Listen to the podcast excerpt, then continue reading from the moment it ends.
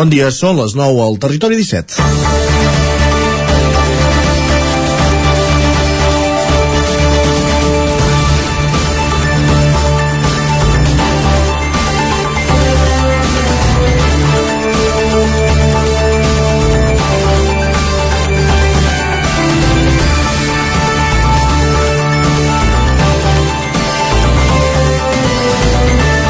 Entre els anys 2003 i 2009 es va construir a Catalunya sis grans infraestructures amb el sistema de peatge a l'ombra. Entre aquestes obres hi havia els reivindicats desdoblaments de tot l'eix transversal, de Cervera a Caldes de Malavella i de la C-17 fins a Ripoll, a diferència del mètode de peatge tradicional on l'usuari paga directament a l'empresa concessionària per cada trajecte que fa. En aquest cas és l'administració qui abona la quantitat corresponent a l'empresa constructora en funció del nombre de vehicles que hi passen. En uns anys en què no hi havia capacitat per part de l'administració per fer front a determinats determinades inversions, es van poder executar unes obres que milloraven la mobilitat i la seguretat de les vies i es va evitar també d'aquesta manera que els usuaris de les carreteres de Catalunya, ja prou castigats, haguessin de fer front a més peatges convencionals. En els contractes d'adjudicació dels peatges a l'ombra, a més de fer front al cost de construcció de l'obra, l'empresa també es fa càrrec del manteniment durant aquest període i cal dir i cal que en les dues carreteres esmentades no hi ha queixes de l'estat de les vies. Aquest model té la seva part positiva, però també en té de fosques. Tots els governs de Convergència i Unió que van succeir el tripartit van criticar que els diversos peatges a l'ombra implantats durant els governs de Bascol Maragall i José Montilla són una hipoteca important pels pressupostos de la Generalitat i condiciona les actuacions de l'àrea de territori durant molts anys. Al final, l'administració acaba pagant 3 o 4 vegades més del cost real de l'obra, però això hi ha hagut diversos intents de rescatar-les. Es va provar de fer el 2016 amb la concessió de la C-17 entre Centelles Centelles i Ripoll i l'any següent es va fer un primer intent amb l'eix transversal. Cap va prosperar. Ara els consellers Jaume Giró i Jordi Puigneró ho tornaran a intentar. No serà fàcil, però val la pena provar-ho per aconseguir un estalvi de 810 milions d'euros en els propers 18 anys. És dilluns 16 de maig de 2022. Comença el Territori 17 a la sintonia de Ràdio Cardedeu, on avui és festa local amb motiu de Sant Isidre, la veu de Sant Joan, Ona Codinenca, Ràdio Vic, el 9 FM i el 9 TV. Territori 17 amb Isaac Moreno i Jordi Sunyer.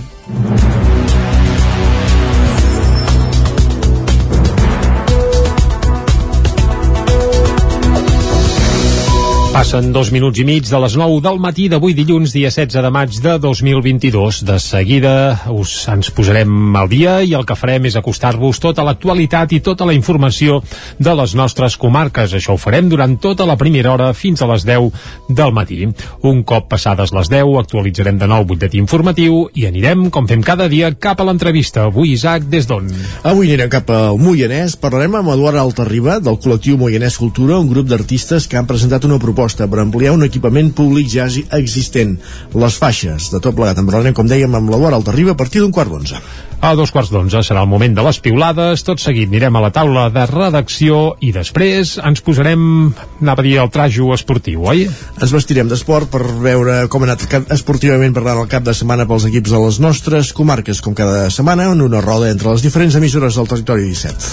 Això ho farem un xic abans de les 11, perquè a les 11 actualitzarem de nou butlletins informatius i tot seguit, com cada dilluns, també arribarà als solidaris. Amb l'Adrià Oliveres, des de Ràdio Vic, i avui per parlar del projecte Massaia. Un cop acabat els solidaris, a dos quarts de dotze serà el moment de pujar a la R3, com fem cada dia a la Trenc d'Alba. Amb l'Isaac Muntades des de la veu de Sant Joan i recollir les cròniques dels soferts usuaris de la R3 just abans de D'acabar, d'acabar i ho farem com sempre els dilluns amb la tertúlia esportiva, tertúlia esportiva amb els nostres tertulians habituals per parlar bàsicament de la primera divisió estatal de futbol. Després d'un cap de setmana d'empats, Cádiz 1, Madrid 1, Getafe 0, Barça 0 i Espanyol 1, València 1. I amb l'Espanyol mm, sense entrenador, no, amb entrenador provisional, sí, perquè va, dijous es va, va carregar, sorpresa, dijous sí, sí. es va carregar, divendres es van carregar l'entrenador i, el, i el secretari tècnic. En parlarem també amb el Lluís de Planell avui a la tertúlia. Doncs vinga, això ho farem per acabar el programa, la tertúlia esportiva. Ara el que toca, però, és arrencar i ho farem, com sempre, fent un repàs a l'actualitat de les nostres comarques, les comarques del Ripollès, Osona, el Moianès i el Vallès Oriental.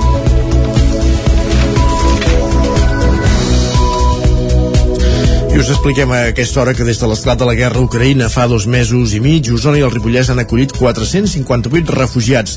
Alguns ja han tingut temps de trobar feina i de poder refer parcialment la seva vida. És el cas de Vadim Petrenko, comercial de l'empresa ucraïnesa Tiso, que ara treballa al grup JCM de Vic. En Vadim és el primer refugiat ucraïnès que va arribar a l'Alberg de Vic després de l'esclat de la guerra al seu país. Té 25 anys i ha estudiat Economia Internacional. Treballava de comercial de Tiso, una empresa ucraïnesa que és proveïdora d'accessor del grup JCM Tecnologies de Vic. Com a molts d'altres que han passat per l'Alberg, l'inici del conflicte el van xampar de pas en un viatge de feina. Amb tot plegat no va poder ni voler tornar al seu país i des de fa uns dies treballa per una de les empreses del grup a mitja jornada als matins i ha reprès l'activitat laboral a distància amb l'empresa ucraïnesa a les tardes. Escoltem el testimoni de Vadim Petrenko. No m'ho podia creure vaig trucar als meus amics i a la meva família i aquell mateix matí vaig rebre l'oferiment de venir a Vic. Em van dir que Accessor era casa meva i que m'ajudarien en el que fes falta. Així és com vaig arribar aquí. I la veritat és que estic molt agraït. Després d'haver contractat a Petrenko, l'empresa bigatana ha rebut ja una llau de currículums de persones ucraïneses amb diferents qualificacions a les quals no poden donar sortida. Per això fan una crida a altres empreses i també a les administracions per poder donar feina a aquestes persones. Escoltem a Marta Calvo, responsable d'Organització, Persones i Serveis del grup JCM de Vic al tenir l'ell amb aquí, ara tinc una llau de currículums eh, eh, que no sé com moure, eh, per això després, bueno, no sé, bueno, ja, ja tinc algun contacte amb l'Ajuntament i, i esclar, és gent que, que només parla anglès, aquesta és la petita dificultat, però vull dir, persones que ja tenen, ja tenen el permís de treball, que necessiten diners, perquè no poden treure, no sé, sí que poden treure diners del seu país però una quantitat molt petita, em sembla que els hi han limitat i clar, porten temps sense treballar aleshores sí, m'estan arribant molts currículums de persones L'impacte de la guerra a Tiso ha anat més enllà de la solidaritat. Habitualment, l'empresa on treballava Vadim Petrenko, i encara hi fa mitja jornada, treballava a Macer i feia entorns, però amb l'inici de la guerra es van reconvertir fent material de protecció per fer front a la invasió i durant unes setmanes van fabricar els anomenats erissons txecs txecs, uns obstacles de defensa antitancs fets amb barres de ferro. Més qüestions encara en l'àmbit de la guerra. La plataforma per un món sense violència es va concentrar divendres davant l'Ajuntament de Centelles amb un missatge molt clar, demanar que s'aturi la guerra entre Rússia i Ucraïna immediatament. Membres de la plataforma, persones a títol individual i també càrrecs electes del consistori de Centelles van participar a la concentració que es repetirà cada divendres a les 12 del migdia fins que el conflicte armat es resolgui. Durant l'acte es va poder escoltar el cant dels ocells mentre els assistents assistents sostenien cartells amb missatges com bandera blanca, alto al foc, no en el meu nom o bé no a la guerra. Tot seguit es va procedir a la lectura d'una reflexió no violenta per recordar a la població que vivim en estat de guerra encara que no ho sembli. La Isabel és una de les membres de la plataforma per un món sense violència. Els hem de dir als nostres polítics que no volem lluitar, que no volem aquest horror, que no volem més destrucció ni més morts, que s'han equivocat i que hem de recular. Volem que deixin de llençar més llenya al foc de la guerra, començant per aixecar totes les sancions imposades a Rússia i, evidentment, deixar d'enviar més armament a Ucrània. Els hi demanem que treguin la bandera blanca per aconseguir un alt al foc, seure en una taula i trobar la solució al conflicte de la única forma possible, dialogant, no per la força, sinó amb la raó. Des de la plataforma manifesten que actualment totes les parts estan fora del camí de la pau i que l'única solució perquè el conflicte acabi és que un dels dos bàndols deixi de la violència i la lluita armada. Canviant de qüestió, des de divendres fins avui dilluns Cardedeu acull la Fira de Sant Isidre, bon temps i molta afluència de gent en aquesta edició que recupera després de dos anys sense poder-se celebrar. Núria Lázaro, Ràdio Televisió, Cardedeu. Cardedeu torna a omplir-se de la Fira de Sant Isidre després de que la pandèmia l'aturés durant dos anys. L'arrencada de la Fira ha tornat a fer xifres històriques de visitants molt similars a les d'abans de la pandèmia. Va començar divendres amb la rebuda de les entitats i el pregó per part d'en Peyu. D'entre les activitats més destacades, la recuperació de la passejada nocturna Obrim la nit amb més de 500 participants. També la companyia de Cardedeu 10 de 10 Teatre va estrenar dissabte al Teatre Auditori dins el marc de la fira l'obra La Fonda. Ahir al vespre, 29è concurs mundial de menjador de borregos, un dolç típic cardedeuenc, un concurs amb 14 participants on el guanyador va menjar més de 700 grams d'aquest dolç, proclamant-se així guanyador i emportant-se un premi de 100 euros. Per avui dilluns encara queda fira de nou i fins la una, amb vol al carrer a la pista poliesportiva coberta amb el Club Handbol Cardedeu. A les 10 a la zona de demostracions Sant Isidre, bici festival amb Godó i Cardedeu.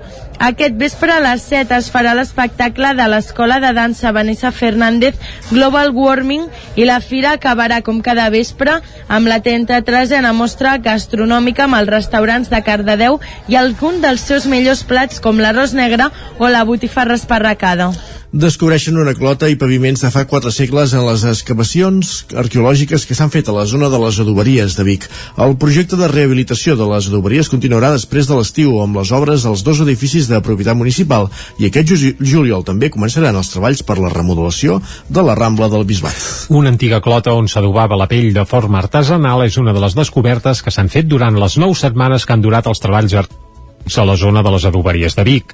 També s'han trobat paviments dels segles XVII i XVIII on es pot observar quin era el nivell de circulació en aquella època i s'ha comprovat que la primera de les adoberies estava integrada al pont de Caral, tot i que una riuada al segle XIX la va destruir gairebé del tot, ho explica l'arqueòleg Eduard Píriz. Amb la riuada de 1863 eh, bueno, va quedar completament destrossada. Vale? Llavors, el govern municipal entenem que no els van deixar refer aquesta part d'edifici de, per poder ampliar el vial.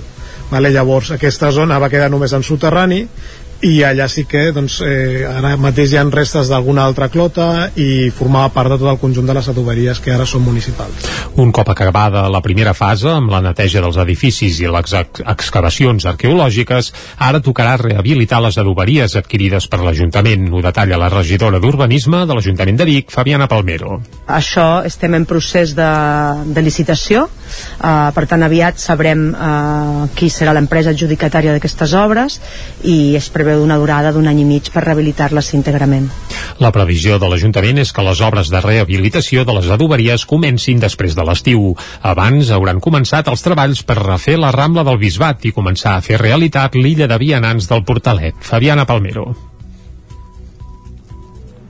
suposo que començaran al juliol, aquestes obres començaran abans, les de la Rambla del Bisbat, la idea és poder acabar-les eh, per Nadal, eh, llavors deixar que passi la cavalcada de Reis i començar després amb les obres de la Rambla dels Moncada i confluir en la plaça, que és aquest punt estratègic no? de vinculació entre les dues adoberies, la 2 i la 4 i la 1 del gremi, per poder acabar de consolidar aquest espai públic eh, i donar-li forma. El projecte de rehabilitació de les adoberies té un pressupost de 2,2 milions d'euros, un milió i mig arribaran de l'Estat, 160.000 del Departament de Cultura i la resta seran d'aportació municipal. La setmana passada també es va constituir un grup motor que ha de definir el procés participatiu sobre els usos que ha de tenir la zona adobera i tot el seu entorn. El Festival Canti la Font torna amb el format habitual per celebrar el seu desè aniversari. Aquest any la cita farà parada a Sant Feliu Sacerra i es farà els dies 15 i 16 de juliol. Entre d'altres hi actuaran Albert Pla, Manel, Carla o Anna Andreu. Després de dos anys amb edicions marcades per la pandèmia i amb activitats batejades com a brots de Canti la Font, aquest estiu tornarà el gran festival del Lluçanès amb el format habitual. El Canti la Font, a més, celebrarà els 10 anys d'història i ho farà amb una nova edició de dos dies que vol recuperar l'essència de l'esdeveniment original amb una oferta gastronòmica variada i referència a la Catalunya central. Aquest any el festival, que itinera per tot el Lluçanès, es farà a Sant Feliu Sacerra els dies 15 i 16 de juliol i ja es coneixen alguns dels artistes que hi prendran part.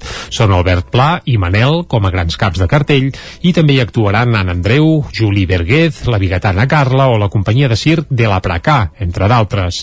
Els abonaments per tot el cap de setmana i les entrades per un sol dia, així com també els accessos a l'espai camper ja es poden adquirir des d'aquesta mateixa setmana a cantilafont.cat i ascens del club okay, de l'hoquei Club Ripoll a Nacional Catalana després de derrotar per 2 a 5 el Farners a la gran final. Som a la pàgina esportiva, eh, ens fa aquesta crònica l'Isaac Muntades des de la veu de Sant Joan.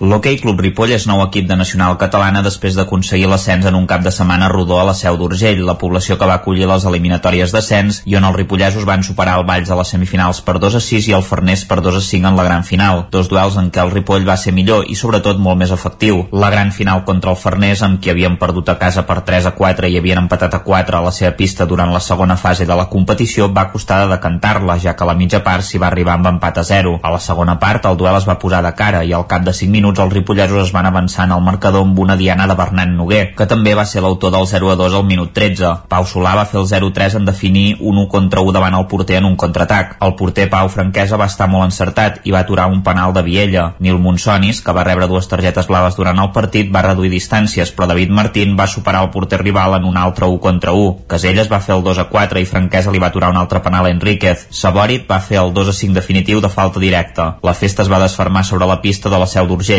Podem escoltar Vidal Carlón i David Martín, jugadors de l'Hockey Club Ripoll, explicant com han viscut aquest cap de setmana. Crec que han set un cap de setmana molt intens, jugant el dissabte contra el Valls, quedant 2 a 6 amb una alimentària complicada però voltada amb el resultat. Crec que el Valls va plantar cara com un bon equip de playoff i després avui hem passat a la final jugant contra el Farners, un equip que ja ens hem enfrontat dues vegades i en una vam empatar i l'altra vam perdre i avui s'han donat tots els factors a favor amb nostre i hem pogut guanyar.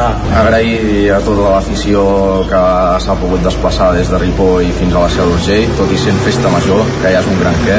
Agrair també a tot el cos tècnic, delegats, a fisioterapeutes, entrenadors, tots els jugadors d'aquest equip, a la Junta, sobretot a la Junta, dir-vos que ha estat un any molt maco, que hem disfrutat molt, ha estat un any molt difícil, tot i ser un grup nou, que això diu molt de nosaltres, que hem fet molta pinya, l'entrenador ens ha ajudat moltíssim i sobretot donar-vos les gràcies i us esperem l'any que ve que ompliu el pavelló a tope per disfrutar d'un bon hockey i de partits de nacional català. Realment el pavelló de la Seu d'Urgell està ple d'aficionats del Ripoll, que va ser l'equip que va desplaçar-ne més. A les semifinals contra el Valls, el duel també es va posar de cara ben aviat. Al cap de 7 minuts de partit, Pau Solà va marcar el primer. Els darrers 3 minuts de la primera part van ser de bojos. Fernand Noguer transformava un penal i a la següent jugada feia el 0 a 3. A la represa, el marcador no es va moure fins que faltaven 7 minuts. El Leixit va reduir diferències, però els últims 5 minuts el Ripoll va ser un cicló. Enric Monge va marcar de penal i David Martín va fer doblet en 30 segons per posar l'1 a 6 a l'electrònic. Xavier Díaz va fer el 2 a 6 quan faltaven 30 segons per acabar el maig. Un cap de setmana perfecte pel ripollesos que van golejar dos rivals que no van tenir l'energia suficient per plantar cara a un Ripoll millor.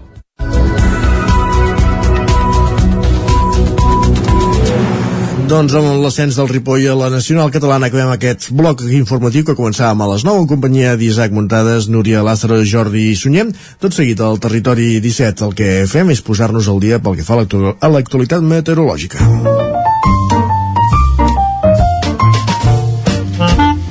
Casa Terradellos us ofereix el temps. Doncs vinga, va, el que farem de seguida és saludar en Pep Acosta, que em sembla que el tenim una mica acalorat. Va, Pep, salut i bon dia. Hola, molt bon dia. Bon dia, bon dia. Benvingut a Informació Meteorològica. Gràcies. I uh, pel que fa al temps, la setmana la qualificaríem, la que comença ara, mm, de preocupant. De preocupant a molt preocupant. I és que els mapes eh, indiquen que serà una setmana mm, gairebé de, de, de, de, de ple juliol o ple agost, Uh, per tant els, és una situació ja que comença una mica complicada. Uh, amics meus, col·legues, coneguts que més pel bosc que jo que aquest cap de setmana uh, a prop de casa nostra a prop de Sant Feliu Codines uh, diuen que el bosc està molt sec que, que el bosc està amb un dèficit d'aigua uh, important i, mm, i les coses no pinten gaire, gaire bé, eh? no, no pinten massa bé. Ha plogut força, sobretot al Pirineu i al sud de Catalunya, però la nostra zona, la, el litoral central i, i, i la Catalunya central, eh, és la zona de Catalunya poder que té més, eh, més mancança d'aigua els últims temps, els últims anys. I això es anirà greujant eh, aquesta setmana, eh, perquè la situació, ja dic, serà eh, complexa els pròxims dies. Per tant, molt atents, molt atents eh, a qualsevol cosa al bosc, a qualsevol foc, perquè podria ser de característiques eh, molt nefastes eh, per, per, per nosaltres, per tothom, per tothom, pel bosc, pels animals, per nosaltres, eh? Però bueno, anem a pams, anem a pams. Ja venim d'un cap de setmana eh, gairebé d'estiu, eh, molt de sol, algun núvol per molt poca cosa, i unes temperatures entre els 27, 28, 29 graus. Eh, ha fet un cap de setmana eh, que molt, molt, molt bo, molt bo, eh, bueno, bo, vull dir, mm, que ha fet molt de sol, molt de sol, les mínimes encara mica fresques, però també van pujant, i avui sobretot s'han disparat les mínimes. Ja han sobrepassat els 15 graus a moltes poblacions, només han baixat els 10 graus a les zones més fredes del Pirineu. Mm, va pujar la temperatura, eh, és un no parar, és un no parar aquesta pujada de les temperatures. I avui eh, tindrem molt de sol, molt de sol, a la tarda sí que pot creixer una tempesta cap al Pirineu, sobretot cap al Ripollès, però seran tempestes eh, minces, amb, amb poc, eh, molt poc extenses i també poc intenses. No, no són les característiques necessàries perquè puguin haver tempestes importants i pocs importants els pròxims dies. Tot el contrari. Eh, molt poca puja els pròxims dies. I la temperatura avui semblant al cap de setmana. Sembla ser que quan es esperarà més serà a partir de dimecres o divendres. Aquests dies eh, anirà intensificant-se la calor, aquesta bombolla d'aire africà es farà més important. A destacar, abans de marxar, a destacar l'eclipse de lluna que tinc aquest matí, que no l'he vist, he intentat veure'l, però no, no, no, no l'he vist, però segur que molta gent eh, l'ha vist i ha sigut allò més interessant i més bonic. Eh? Els, eclipses, els eclipses són fenòmens eh, que, que, que, que encanten a molta gent i segur que molta gent l'ha pogut veure aquest matí que es veia per, que era 100%, eh, eclipse de lluna, 100% a la nostra latitud. I això és tot, a disfrutar el dia d'avui, a disfrutar aquesta nova setmana, i dia a dia anem actualitzant el temps, però que ja dic, eh, que serà una setmana complicada i amb molt assolellada i massa, massa calor. Adeu! Ja està, doncs massa, massa calor. Se'ns acosten, sí, exacte, dies de calorada. Què hi farem? Uh, vinga, cap a l'ombra, cap a l'ombra. Cap a l'ombra i cap al quios, va. I cap al quios. Casa també. Tarradellas us ha ofert aquest espai. Els que quedin, va, anem a repassar les portades de, del dia. Comencem per les del 9-9. Correcte, som dilluns, per tant farem un cop d'ull primer de tot a les portades del 9-9. Comencem per l'edició d'Osona i el Ripollès cobra explicant que la Generalitat intentarà per segona vegada rescatar la concessió de l'eix transversal. La decisió que ja està comunicada a l'empresa Cedinsa, que és l'actual adjudicatària de, de, de la via, permetria estalviar 810 milions d'euros fins al 2040. 810 milions d'euros són molts, per tant, tant de bo doncs, arribi a bon port aquest rescat. Va. La fotografia principal, cal dir que és una fotografia preciosa, feta allò a vista d'ocell, eh, i és una imatge del Vall de Cintes que es va tornar a veure ahir a Folgueroles, després de dos anys d'absència per culpa de la Covid. Festa Verdaguer en ple debat sobre el català. Aquest és el subtítol que amenitza la fotografia. Més informacions que apareixen a la portada. El primer festival ciclista Bike Show de Vic reuneix més de 900 persones. Gran assistència al Lactium de Vic, que ja és un aparador del formatge artesà de tot Catalunya. Recordem que es va fer aquest cap de setmana aquí al Parc Balmes de Vic, el Lactium, i l'Encanta de Rodes consoliden la cinquena edició que ha reunit 13 propostes musicals, eh, amb una fotografia on s'hi veu a Maria Hein, una de les cantautores que va passar per Roda aquest cap de setmana. Anem cap al Vallès Oriental, el 9-9 de color verd titula Sant Antoni, Cardedeu i Llinars es comprometen a conservar l'aeròdrom de la República. Els alcaldes firmen un conveni per museïtzar el camp de l'Alfou. Això apareix el, bé, a la portada de, del 9-9 i la fotografia és per un xicot, un bailet que va a cavall o un poni, no sé si és un cavall o un poni, eh, o un híbrid. Els infants van poder passejar amb poni, ah, amb poni, al passeig mestre Alexandri. Uh, què passa? Doncs home, que Cardedeu amb ganes de fira, ja ho hem dit avui, durant tot el cap de setmana, Fira de Sant Isidre a Cardedeu, recuperada després de dos anys de pandèmia, i avui és festa local a Cardedeu també per la Fira de Sant Isidre que continua amb activitat doncs, durant tot avui.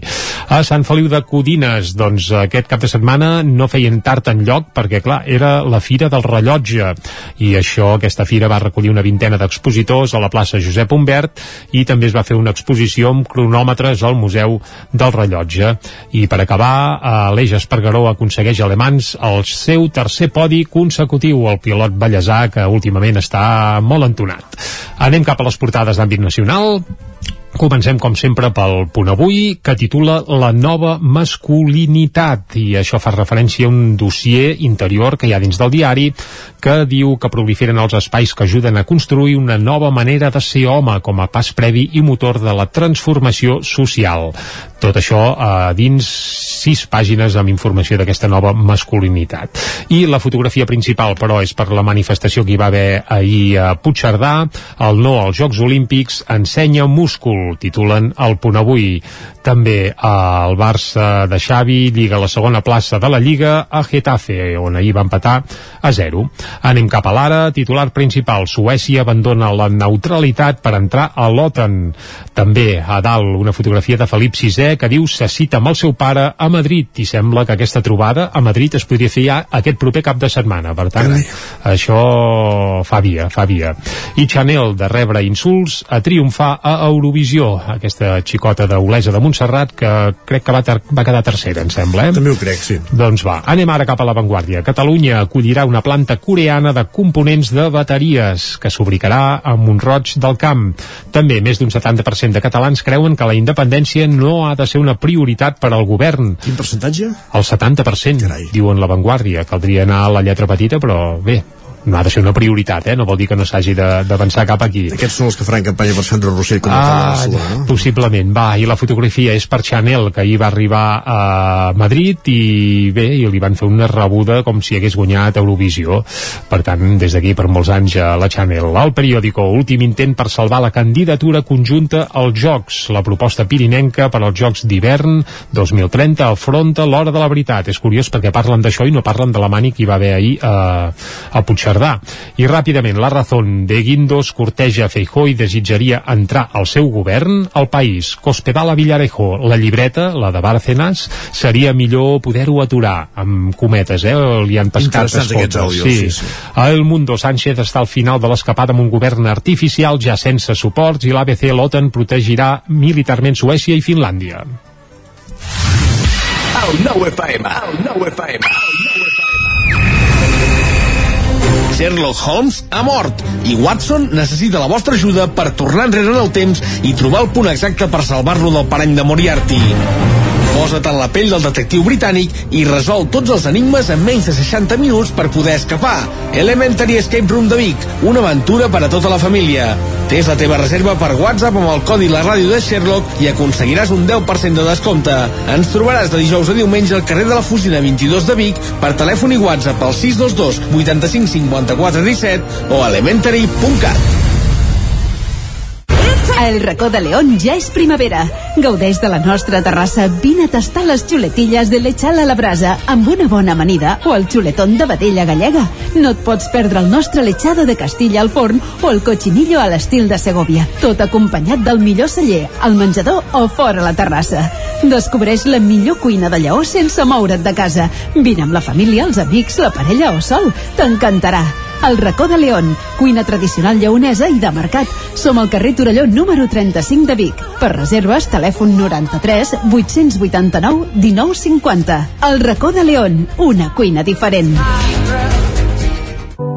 Coberta serveis funeraris. Els nostres tanatoris estan ubicats en els nuclis urbans més poblats de la comarca d'Osona per oferir un millor servei. Tanatori de Vic, Tanatori de Manlleu, Tanatori de Centelles i Tanatori de Roda de Ter. Sabem que són moments difícils i per això el nostre compromís és atendre-us en tot moment amb un tracte humà, sensible i respectuós. Cobertes serveis funeraris. Telèfon 24 hores 93 883 23 46. A la Clínica Dental Sant Fortià hi trobareu un equip professional que treballa de manera coordinada per oferir un tracte sensible i humà. Estem preparats per qualsevol urgència dental i oferim accions preventives per la tercera edat i els infants. El doctor Ramon Garcia, implantòleg de Barcelona, fa 10 anys que visita Torelló. Clínica Dental Sant Fortià. Ens trobareu a la plaça Sant Fortià número 9 de Torelló al 93 859 6408 i al 690 92 51 99. Cocodril Club. Si t'agrada la bona música dels anys 60, 70 i 80, escolta el 9 FM els matins de dissabtes i diumenges d'11 a 1. És el temps del Cocodril Club, tot un clàssic de la ràdio, amb les bases del pop-rock, les llegendes, les cançons que s'han convertit en autèntics himnes. Recorda, dissabtes i diumenges al matí, d'11 a 1, al 9 FM 92.8. Cocodril Club, el programa revival de l'Albert Malla. Hasta luego, cocodrilo. El 9 FM. En punt, dos quarts de deu al territori 17. Territori 17, amb Isaac Moreno i Jordi Sunyer.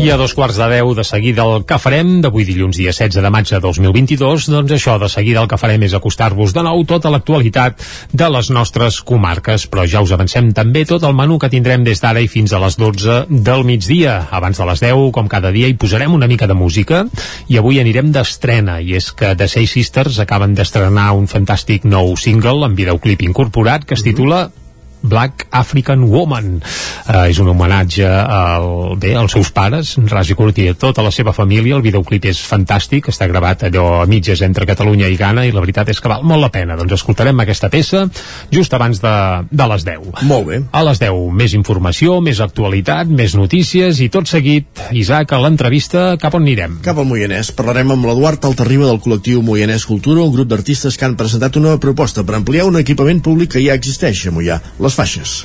Vinga, tots els detalls a l'entrevista d'avui. A dos quarts d'onze serà el moment de les piulades, ens visitarà en Guillem Sánchez, tot seguit passarem per la taula de redacció i després parlarem d'esports. Uh, exacte, farem el repàs al cap de setmana esportiu, com ha anat el cap de setmana amb resultats com el que ja comentàvem a les notícies de les 9, aquest ascens històric del l'hoquei Club Ripoll a la Nacional Catalana d'Hoquei. Més coses que farem a les 11, actualitzarem de nou el butlletí informatiu, per tant, més informació i tot seguit el que arribarà és els solidaris. Amb l'Adrià Oliveres, des de Ràdio Vic, i avui per anar fins a Sant Hipòlit de Voltregà per parlar del projecte Massaia.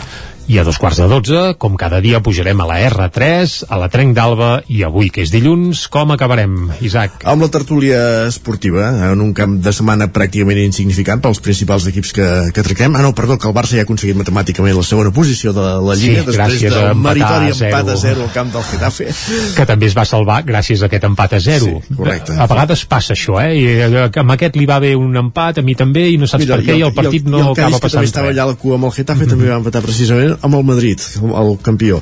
I l'Espanyol també va empatar amb el València. Vaja, Bé. tot un cap de setmana d'empats. El cap de setmana que ve ja el podrien abolir gairebé. Gairebé. Però no, vaja. clar, i el Mallorca s'hi juga la permanència, per exemple. Eh? També, Per també dir-ne un, així dels països catalans. Mm -hmm. Doncs va, estarem al cas del que faci el Mallorca. Ara, però, el que ens toca és estar al cas de la informació de les nostres comarques. I el que farem és repassar-la de nou, us l'acostem i ja ho sabeu. Uh, informació de les comarques del Ripollès, Osona, el Moianès i el Vallès Oriental. I us expliquem a aquesta hora que des de l'esclat de la guerra Ucraïna fa dos mesos i mig, Osona i el Ripollès han acollit 458 refugiats. Alguns ja han tingut temps de trobar feina i de poder refer parcialment la seva vida. És el cas de Vadim Petrenko, comercial de l'empresa ucraïnesa Tiso, que ara treballa al grup JCM de Vic. En Vadim és el primer refugiat ucraïnès que va arribar a l'alberg de Vic després de l'esclat de la guerra al seu país. Té 25 anys i ha estudiat Economia Internacional. Treballava de comercial de Tiso, una empresa ucraïnesa que és proveïdora d'accessor del grup JCM Tecnologies de Vic. Com a molts d'altres que han passat per l'alberg, l'inici del conflicte el van xampar de pas en un viatge de feina. Amb tot plegat no va poder ni va voler tornar al seu país i des de fa uns dies treballa per una de les empreses del grup a mitja jornada als matins i ha reprès l'activitat laboral a distància amb l'empresa ucraïnesa a les tardes. Escoltem el testimoni de Vadim Petrenko. No m'ho podia creure.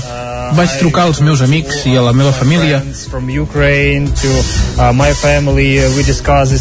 i aquell mateix matí vaig rebre l'oferiment de venir a Vic. Em van dir que Accessor era casa meva i que m'ajudarien en el que fes falta. Així és com vaig arribar aquí. I la veritat és que estic molt agraït. Després d'haver contractat a Petrenko, l'empresa biguetana ha rebut ja una llau de currículums de persones ucraïneses amb diferents qualificacions a les quals no poden donar sortida.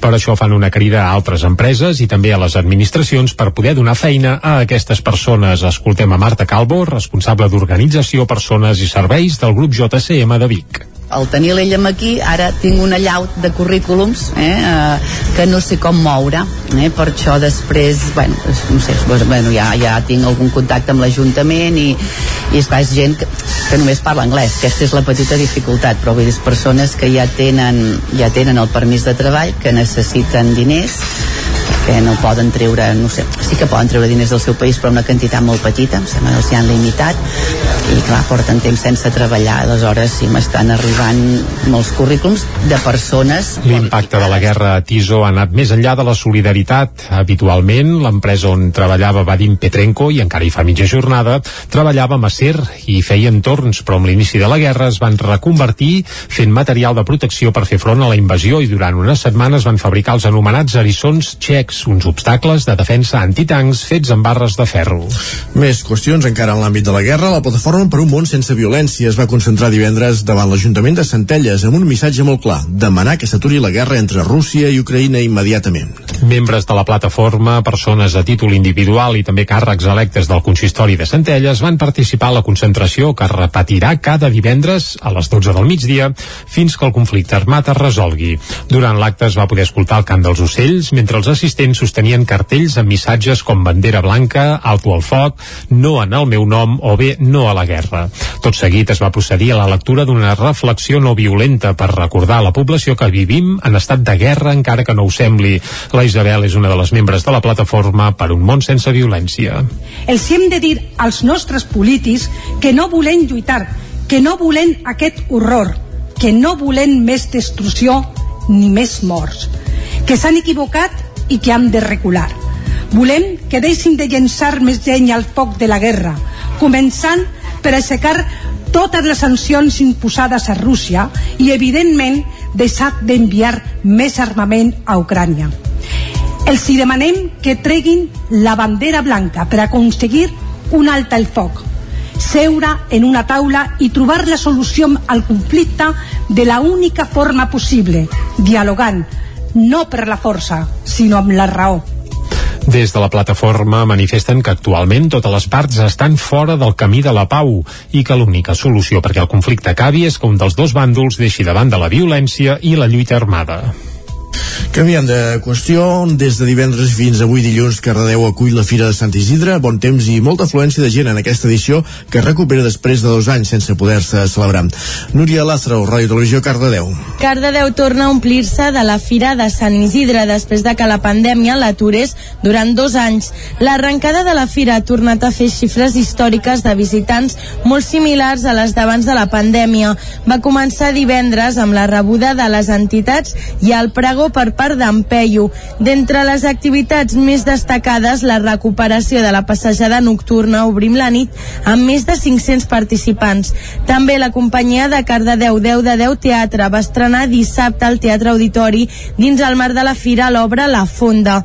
Ahir al vespre, 29è concurs mundial de menjador de borregos, un dolç típic cardedeuenc, un concurs amb 14 participants on el guanyador va menjar més de 700 grams d'aquest dolç, proclamant-se així guanyador i emportant-se un premi de 100 euros. Per avui dilluns encara queda fira de nou i fins la una, amb vol al carrer a la pista poliesportiva coberta amb el Club Handbol Cardedeu. A les 10 a la zona de demostracions Sant Isidre, bici festival amb Camprodó i Cardedeu. Aquest vespre a les 7 es farà l'espectacle de l'Escola de Dansa Vanessa Fernández Global Warming i la fira acabarà com cada vespre amb la 33a mostra gastronòmica amb els restaurants de Cardedeu i algun dels seus millors plats com l'arròs negre o la botifarra esparracada. Descobreixen una clota i paviments de fa quatre segles en les excavacions arqueològiques que s'han fet a la zona de les adoberies de Vic. El projecte de rehabilitació de les adoberies continuarà després de l'estiu amb les obres dels dos edificis de propietat municipal i aquest juliol també començaran els treballs per la remodelació de la Rambla del Bisbat. Una antiga clota on s'adobava la pell de forma artesanal és una de les descobertes que s'han fet durant les nou setmanes que han durat els treballs a la zona de les adoberies de Vic.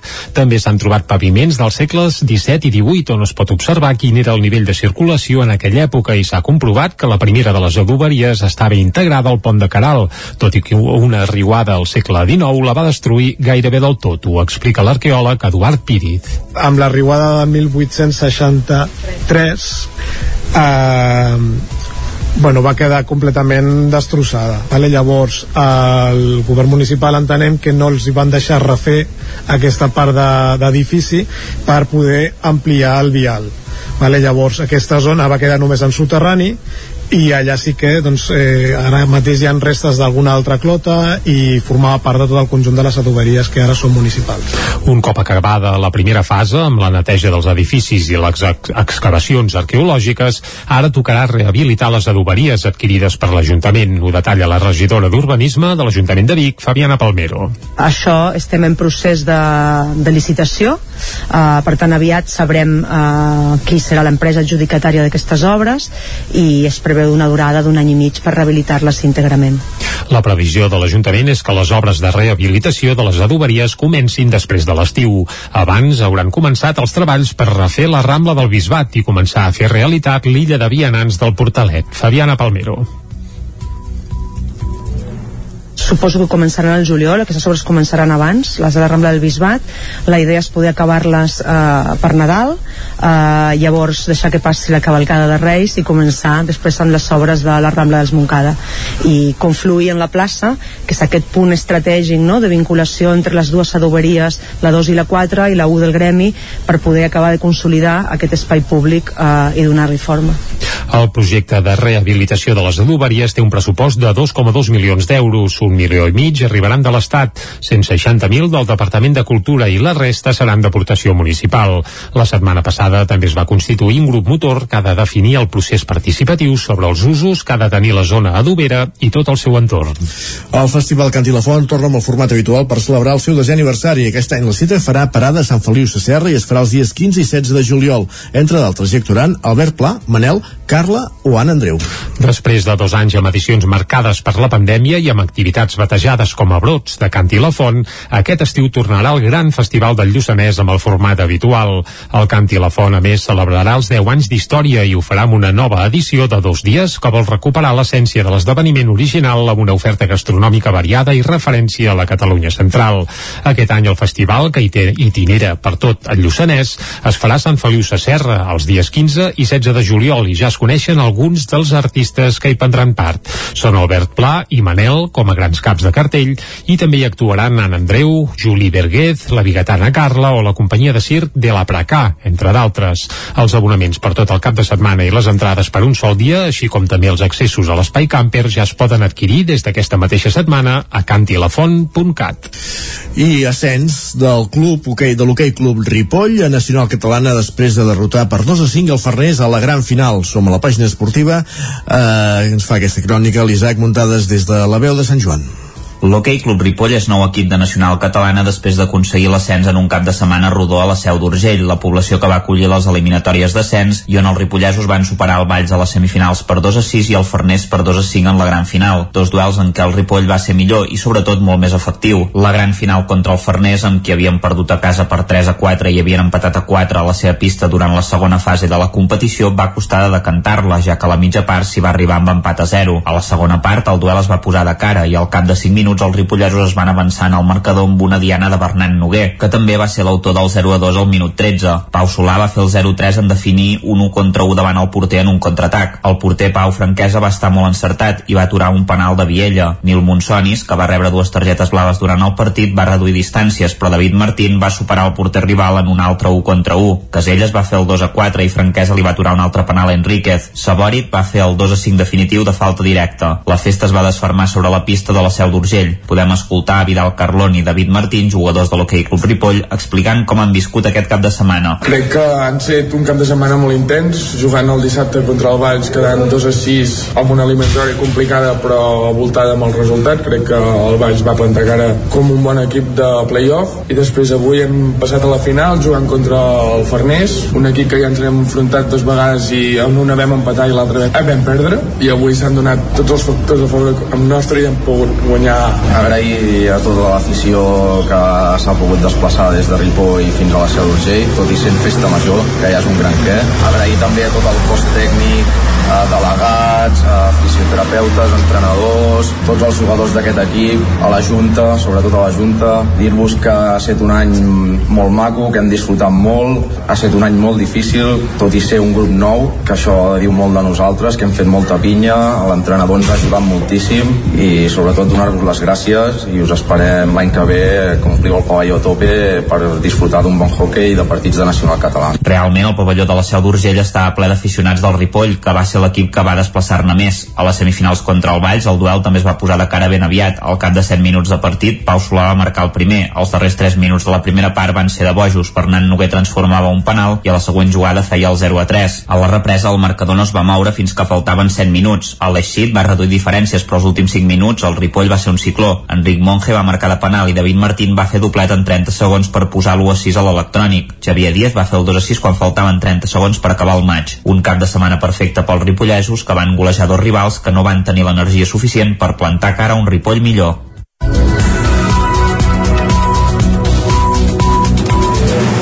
Doncs amb l'ascens del Ripoll a la Nacional Catalana acabem aquest bloc informatiu que començàvem a les 9 en companyia d'Isaac Muntades, Núria Lázaro, Jordi i Sunyem. Tot seguit al territori 17 el que fem és posar-nos al dia pel que fa a l'actualitat meteorològica. Casa Terradellos us ofereix el temps. Doncs vinga, va, el que farem de seguida és saludar en Pep Acosta, que em sembla que el tenim una mica acalorat. Va, Pep, salut i bon dia. Hola, Què tal? bon dia. Bon dia, bon dia. Benvingut a Informació Meteorològica. Gràcies. I uh, pel que fa al temps, la setmana la qualificaríem, la que comença ara, mm, de preocupant. De preocupant a molt preocupant. I és que els mapes eh, indiquen que serà una setmana mm, gairebé de, de, de, de, ple juliol o de ple agost. Uh, per tant, els, és una situació ja que comença a ser una mica complicada. Uh, amics meus, col·legues, coneguts, que han anat més pel bosc que jo que aquest cap de setmana, uh, a prop de casa nostra, a prop de Sant Feliu Codines, uh, diuen que el bosc està molt sec, que, que el bosc està amb un dèficit d'aigua uh, important, i, mm, i les coses no pinten gaire, gaire bé, eh? no, no pinten massa bé. Ha plogut força, sobretot al Pirineu i al sud de Catalunya, però la nostra zona, la, el prelitoral central i, i, i la Catalunya central, eh, és la zona de Catalunya poder que té més, eh, més mancança d'aigua els últims temps, els últims anys. I això es anirà greujant eh, aquesta setmana, eh, perquè la situació, ja dic, serà eh, complexa els pròxims dies, per tant, molt atents, molt atents eh, a qualsevol cosa al bosc, a qualsevol foc, perquè podria ser de característiques eh, molt nefastes eh, per, per, per nosaltres, per tothom, per tothom, pel bosc, pels animals, per nosaltres, eh? Però bueno, anem a pams, anem a pams. Ja venim d'un cap de setmana eh, gairebé d'estiu, eh, molt de sol, algun núvol per molt poca cosa, i unes temperatures entre els 27, 28, 29 graus. Eh, ha fet un cap de setmana eh, que molt, molt, molt bo, molt bo, amb una... bueno, bo, vull dir, mm, que ha fet molt de sol, molt de sol, les mínimes encara una mica fresques, però també van pujant, i avui sobretot s'han disparat les mínimes. Ja han sobrepassat els 15 graus a moltes poblacions, només han baixat els 10 graus a les zones més fredes del Pirineu. Mm, va pujar la temperatura, eh, és un no parar, és un no parar aquesta pujada de les temperatures.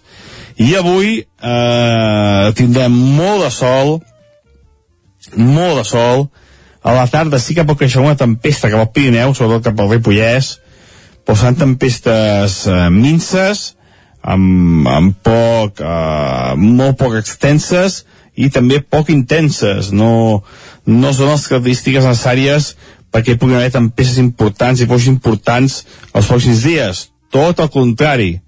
Eh, molt poca pluja els pròxims dies. I la temperatura avui semblant al cap de setmana.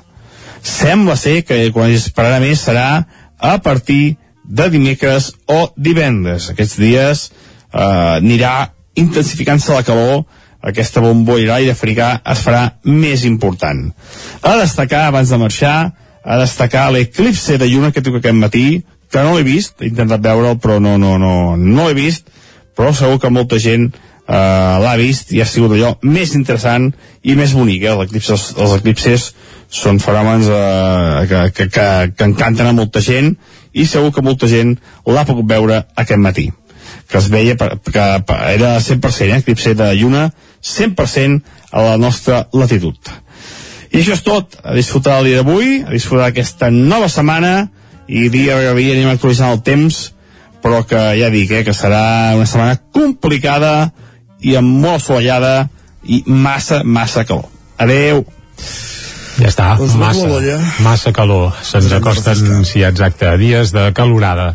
Què hi farem? Uh, vinga, cap a l'ombra, cap a l'ombra. Cap a l'ombra i cap al quiosc, va. I cap al quiosc. Casa també. Tarradellas us ha ofert aquest espai. Els que quedin, va, anem a repassar les portades de, del dia. Comencem per les del 9-9. Correcte, som dilluns, per tant farem un cop d'ull primer de tot a les portades del 9-9. Comencem per l'edició d'Osona i el Ripollès cobra explicant que la Generalitat intentarà per segona vegada rescatar la concessió de l'eix transversal. La decisió que ja està comunicada a l'empresa Cedinsa, que és l'actual adjudicatària de, bé, de la via, permetria estalviar 810 milions d'euros fins al 2040. 810 milions d'euros són molts, per tant, tant de bo doncs, arribi a bon port aquest rescat. Va. La fotografia principal, cal dir que és una fotografia preciosa, feta allò a vista d'ocell, eh, i és una imatge del Vall de Cintes que es va tornar a veure ahir a Folgueroles, després de dos anys d'absència per culpa de la Covid. Festa Verdaguer en ple debat sobre el català. Aquest és el subtítol que amenitza la fotografia. Més informacions que apareixen a la portada. El primer festival ciclista Bike Show de Vic reuneix més de 900 persones. Gran assistència al Lactium de Vic, que ja és un aparador del formatge artesà de tot Catalunya. Recordem que es va fer aquest cap de setmana aquí al Parc Balmes de Vic, el Lactium, i l'Encanta de Rodes consoliden la cinquena edició que ha reunit 13 propostes musicals, eh, amb una fotografia on s'hi veu a Maria Hein, una de les cantautores que va passar per Roda aquest cap de setmana. Anem cap al Vallès Oriental, el 9-9 de color verd titula Sant Antoni, Cardedeu i Llinars es comprometen a conservar l'aeròdrom de la República. Els alcaldes firmen un conveni per museïtzar el camp de l'Alfou. Això apareix al, bé, a la portada de, del 9-9 i la fotografia és per un xicot, un bailet que va a cavall o un poni, no sé si és un cavall o un poni, eh, o un híbrid. Els infants van poder passejar amb poni, ah, amb poni, al passeig mestre Alexandri. Uh, què passa? Doncs home, que Cardedeu amb ganes de fira, ja ho hem dit avui, durant tot el cap de setmana, Fira de Sant Isidre a Cardedeu, recuperada després de dos anys de pandèmia, i avui és festa local a Cardedeu també per la Fira de Sant Isidre que continua amb activitat doncs, durant tot avui. A Sant Feliu de Codines, doncs aquest cap de setmana no feien tard en lloc perquè, clar, era la Fira del Rellotge i això, aquesta fira va recollir una vintena d'expositors a la plaça Josep Humbert i també es va fer una exposició amb cronòmetres al Museu del Rellotge. I per acabar, l'Eix Espargaró aconsegueix Alemans el seu tercer podi consecutiu, el pilot ballesà que últimament està molt entonat. Anem cap a les portades d'àmbit nacional Comencem, com sempre, pel punt avui, que titula La nova masculinitat, i això fa referència a un dossier interior que hi ha dins del diari que diu que proliferen els espais que ajuden a construir una nova manera de ser home com a pas previ i motor de la transformació social. Tot això eh, dins sis pàgines amb informació d'aquesta nova masculinitat. I la fotografia principal, però, és per la manifestació que hi va haver ahir a Puigcerdà, el no als Jocs Olímpics ensenya múscul titulen el punt avui. També el Barça de Xavi lliga la segona plaça de la Lliga a Getafe, on ahir va empatar a 0. Anem cap a l'ara, titular principal. Suècia abandona la neutralitat per entrar a l'OTAN. També a dalt una fotografia de Felip VI que diu se cita amb el seu pare a Madrid i sembla que aquesta trobada a Madrid es podria fer ja aquest proper cap de setmana. Per tant, Carai. això fa via, fa via. I Chanel, de rebre insults, a triomfar a Eurovisió Visió, aquesta xicota d'Olesa de Montserrat, que crec que va, va quedar tercera, em sembla, eh? També ho crec, sí. Doncs va, anem ara cap a l'avantguàrdia. Catalunya acollirà una planta coreana de components de bateries que s'ubicarà a Montroig del Camp. També més d'un 70% de catalans creuen que la independència no ha de ser una prioritat per al govern. Quin percentatge? El 70%, Carai. diuen l'avantguàrdia. Caldria anar a la lletra petita, però bé, no ha de ser una prioritat, eh? no vol dir que no s'hagi d'avançar cap aquí. Aquests són els que faran campanya per Sandro Rossell com ah, a eh? Possiblement, va, i la fotografia és per Chanel, que ahir va arribar a Madrid i bé, i li van fer una rebuda com si hagués guanyat Eurovisió. Per tant, des d'aquí per molts anys a la Chanel. El periòdico, últim intent per salvar la candidatura conjunta als Jocs. La proposta pirinenca per als Jocs d'hivern 2030 afronta l'hora de la veritat. És curiós perquè parlen d'això i no parlen de la mani que hi va haver ahir a, a Puigcerda Cerdà. I ràpidament, la Razón de Guindos corteja Feijó i desitjaria entrar al seu govern al país. Cospedal a Villarejo, la llibreta, la de Bárcenas, seria millor poder-ho aturar, amb cometes, eh? Li han pescat aquests àudios, sí. sí, sí. El Mundo Sánchez està al final de l'escapada amb un govern artificial ja sense suports i l'ABC l'OTAN protegirà militarment Suècia i Finlàndia. Doncs que Vinga. protegeixin, perquè per aquells barals la cosa no està gaire tranquil. Sí, no, no, i no sembla pas que aquest sigui el millor camí de calmar els ànims, i menys els ànims de, bé, d'una Rússia de Putin que fa de mal preveure cap on pot espetegar tot plegat, perquè, bé, és imprevisible. Ja ho veurem, ho seguirem, evidentment. Exacte. Però nosaltres sempre procurem ah, exacte, calmar-nos, posar-hi música. Segurament amb música tots aquests conflictes se, se solucionarien d'una altra manera. I bé, i aquest cap de setmana vam tenir un exemple. Els països, si s'han d'enfrontar, que s'enfrontin amb música, encara que sigui amb Eurovisió, tu. Encara que. Uh, encara que, sí. Uh, bé, i nosaltres això, hi posarem pau i avui ho farem amb una peça molt especial, i és que les Seis Sisters, aquest trio, bé, trio, són un quartet, eh, perquè cal dir que són... No, no van anar a Eurovisió, no, això cal dir que encara no.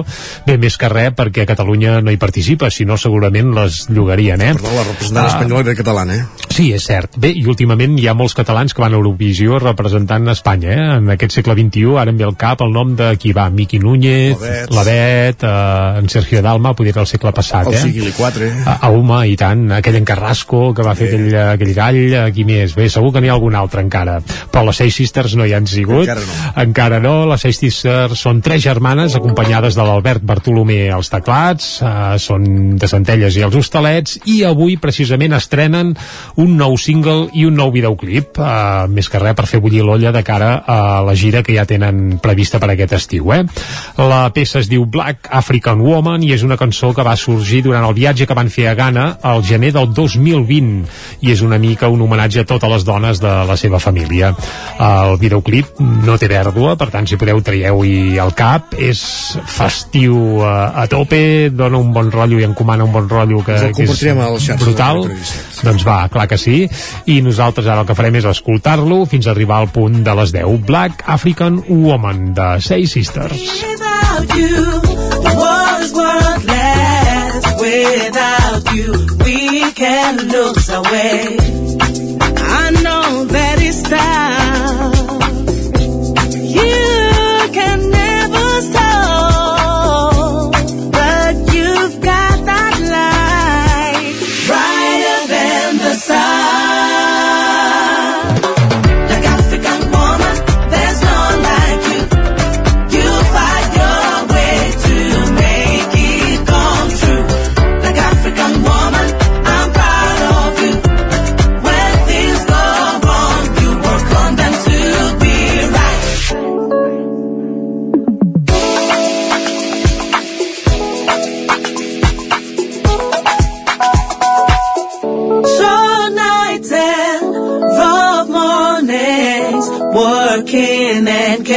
for your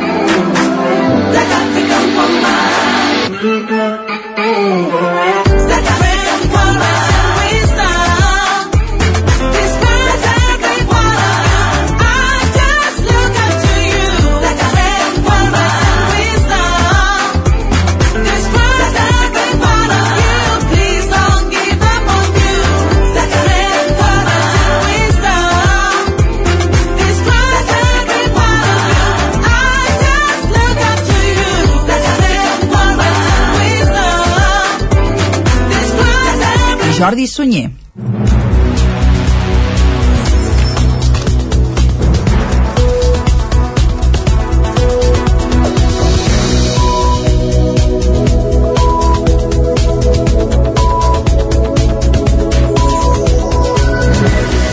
Moment al territori 17 de posar-nos al dia aquest dilluns 16 de maig de 2022, posar-nos al dia, actualitzar-nos amb les notícies més destacades de les nostres comarques i com cada dia ho fem en connexió amb les diferents emissores que dia a dia fan possible el territori 17, la veu de Sant Joan al Ripollès, Ona Codinenca, el Moianès i el Vallès Oriental, també en aquesta comarca Ràdio Cardedeu i a Osona Ràdio Vic, el 9FM i el 9TV. El conseller de Salut, Josep Maria Argimon, ha pronosticat que la quarta dosi de la vacuna de la Covid-19 es començarà a administrar la tardor d'aquest 2022. Es començaria a inocular a persones que tinguin 80 anys o més. D'altra banda, a Osona, ara mateix hi ha prop de 60 ingressats als hospitals amb Covid, el doble que fa un any. El govern espanyol va aprovar el gener passat l'administració de la quarta dosi, però només per als col·lectius més vulnerables. Entre aquests hi ha les persones amb càncer, VIH, síndrome de Down o les persones immunodeprimides o trasplantades. També poden rebre la quarta dosi les persones que justifiquin un viatge internacional per motius laborals o d'estudis. Tot i això, dijous passat, l'Organització Mundial de la Salut va descartar administrar aquesta dosi per a tota la població en general. El conseller de Salut, Josep Maria Argimon, però va apuntar que a partir de la tardor la quarta dosi es començaria a administrar a gent gran i començant pel col·lectiu de més de 80 anys. Mentrestant, les xifres de la Covid-19 a Osona constaten que els pacients ingressats actualment amb coronavirus a l'Hospital Universitari de Vic, a la Santa Creu i a l'Hospital Sant Jaume de Manlleu doblen la xifra que hi havia el 2021 per aquestes mateixes dates. Actualment hi ha 61 persones ingressades, mentre que fa un any només n'hi havia 30. Ara bé, la majoria de malalts amb Covid que ingressen a l'hospital és per altres motius i en el transcurs de les proves d'entrada se'ls acaba detectant també la malaltia. També hi ha malalts sense vacunar o amb patologies prèvies importants. La pressió assistencial està per sota de la dels dos últims anys, clarament, i només consta un pacient amb coronavirus a la unitat de cures intensives a l'Hospital Universitari de Vic, sempre segons les darreres dades. Més qüestions, ho avançàvem a la portada. El govern avança al final de la concessió de l'eix transversal per estalviar-se 810 milions d'euros. El Departament d'Economia ha avançat que preveu finalitzar el contracte amb Cedinsa a la C25, l'eix transversal, amb recursos del FLA o amb un crèdit bancari. La Generalitat ha activat una operació per anticipar el final de la concessió de l'eix transversal. El govern ho ha comunicat ja a l'empresa concessionària Cedinsa, participada pel grup francès Bauban. Segons expliquen fons del Departament d'Economia, acabar el contracte aquesta aquest any permetria estalviar 810 milions d'euros en 18 anys, que és el període que quedava de vincle amb la concessionària. L'objectiu de la Conselleria de Jaume Giró és aprofitar la finestra d'oportunitat que preveu el contracte amb Cedinsa per aquest 2022, amb recursos del Fons de Liquiditat Autonòmica, el FLA, o si no, a través d'un crèdit bancari. El contracte de concessió de l'eix transversal, que va de Cervera a Caldes de Malavella, es va adjudicar el mes de juny del 2007 i es va modificar el 2010.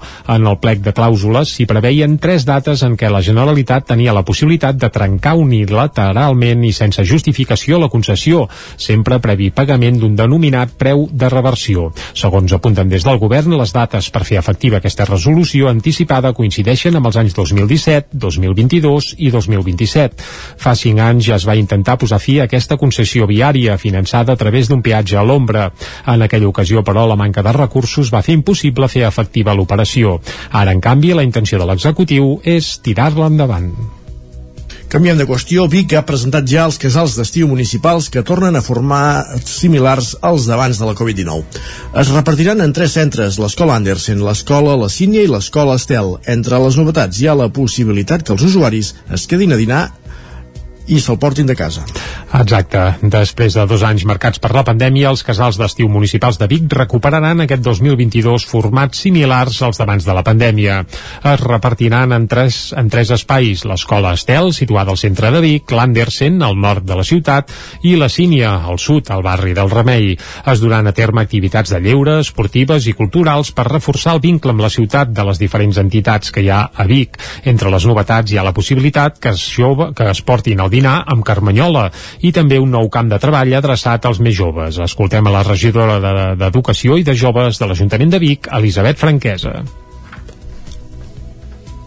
hem regularitzat la possibilitat de que els alumnes puguin venir als casals amb carmanyola, per tant portar-se el dinar de casa i poder gaudir d'aquest espai de menjador a un cost molt més econòmic per les famílies i la tercera novetat va pels joves que és un camp de treball que s'obrirà de l'11 al 22 de juliol per joves de 16 a 18 anys. Qui vulgui també podrà anar al casal d'estiu amb el bus bici. Ho explica Txell Castro, que és coordinadora dels casals d'estiu municipals de Vic. Aquest any, igual que l'any passat, continuem amb la dinàmica del bus bici i l'incorporem als casals d'estiu. D'aquesta manera, els infants dels casals, tant d'anada com de tornada, podran arribar-hi amb, amb bici acompanyats de, de l'equip de monitoratge que, que tindran. Pel que fa als cívicus, l'oferta de lleure pels joves aquest any tindrà una durada de 4 setmanes durant tot el juliol. Cada setmana es dedicarà a una àrea concreta com els esports, la música i les tecnologies amb un marc general, el dels objectius de desenvolupament sostenible, les conegudes com a ODS. Les inscripcions estan obertes des d'avui mateix i fins al proper dia 7 de juny al web Casals Www.cat. Els casals es faran només els mesos de juny i juliol. Aquest any no n'hi haurà al setembre per l'avançament del curs escolar, que començarà el dia 5 a les escoles i el 7 als instituts. I més propostes d'estiu adreçades a infants i joves, i és que Sant Joan de les Abadesses tindrà dos casals esportius de cara als mesos d'estiu. Isaac Muntades, la veu de Sant Joan.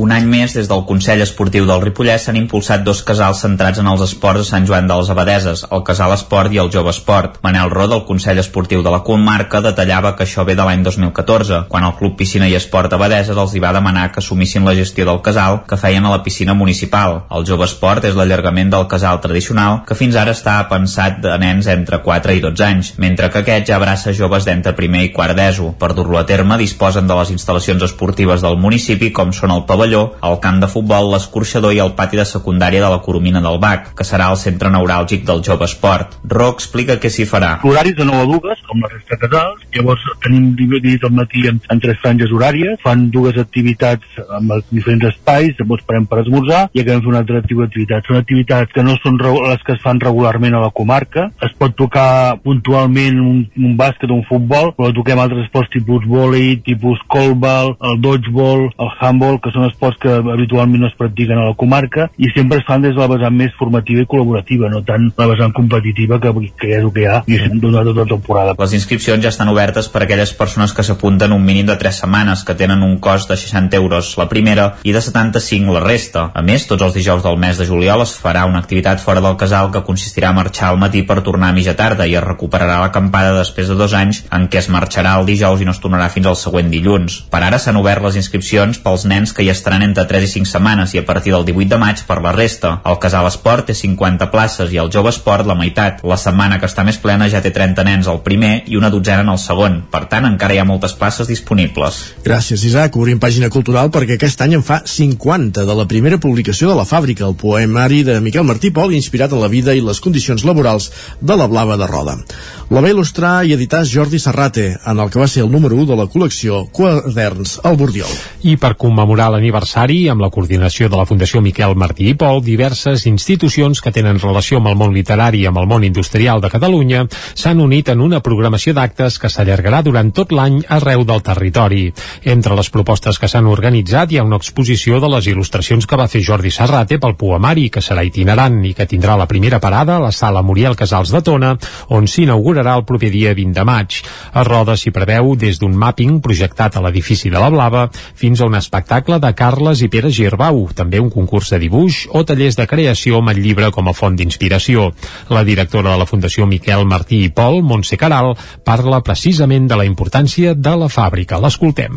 Va apel·lar a tot aquest col·lectiu que sovint no se sentia representat pel món cultural i per tant, posant el títol en un llibre, un títol tan poc prosaic com La fàbrica, va fer entrar tota aquesta industrialització en aquest món de la cultura i aquí no hi ha classes. Per tant tots som iguals. Ho va fer un llenguatge volgudament quotidià que arribava a totes les masses. I aquesta massa llegia Miquel Martí Pol que per això és un dels poetes més populars i emblemàtics a la segona meitat del segle XX A Osona també se sumarà la commemoració dels 50 anys de la fàbrica de Martí i Pol al Museu del Ter de Manlleu que juntament amb la Fundació Martí i Pol ha creat una ruta literària vora Ter.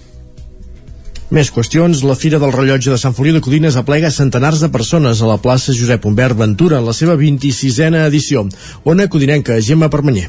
Aficionats i curiosos interessats en la mesura del temps, provinents de tot el territori, s'han acostat aquest diumenge a la 26a edició de la Fira del Rellotge, que ha reunit 22 parades a la plaça Josep Humbert de Sant Feliu de Codines.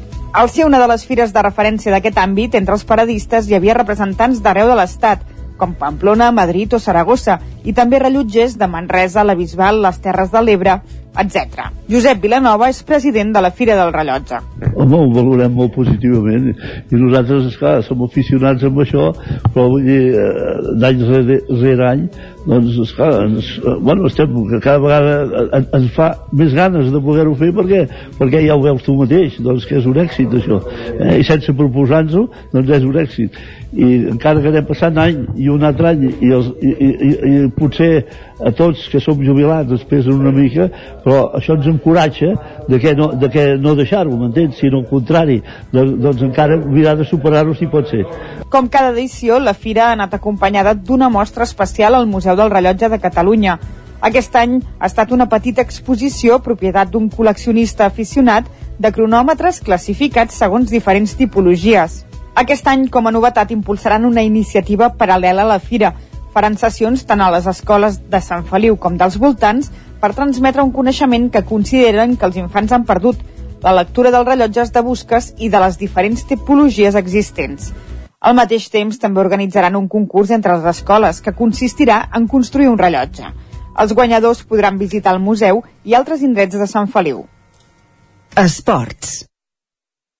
I a la pàgina esportiva els expliquem també que el futbolista biguetà Martenes debuta a primera divisió amb l'Alavés. Tenes, de 20 anys, va arribar aquest estiu a les files del filial del conjunt de Vitoria, procedent del planter de l'Atlètic de Madrid. El que no ha pogut evitar és el descens de l'equip a segona divisió. No, un descens que es va consumar ahir, per cert.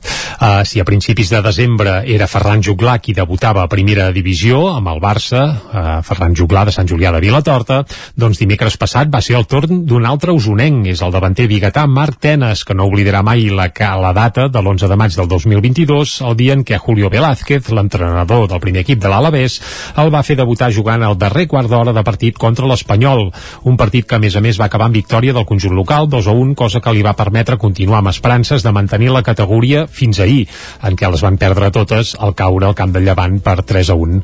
Tenes, de 20 anys, va arribar aquest estiu a les files del filial del conjunt vitorià, procedent del planter de l'Atlètic de Madrid, i ha anat de menys a més durant tota la temporada, primer convertint-se en un fix del filial que milita a tercera federació, on ha aconseguit marcar 10 gols.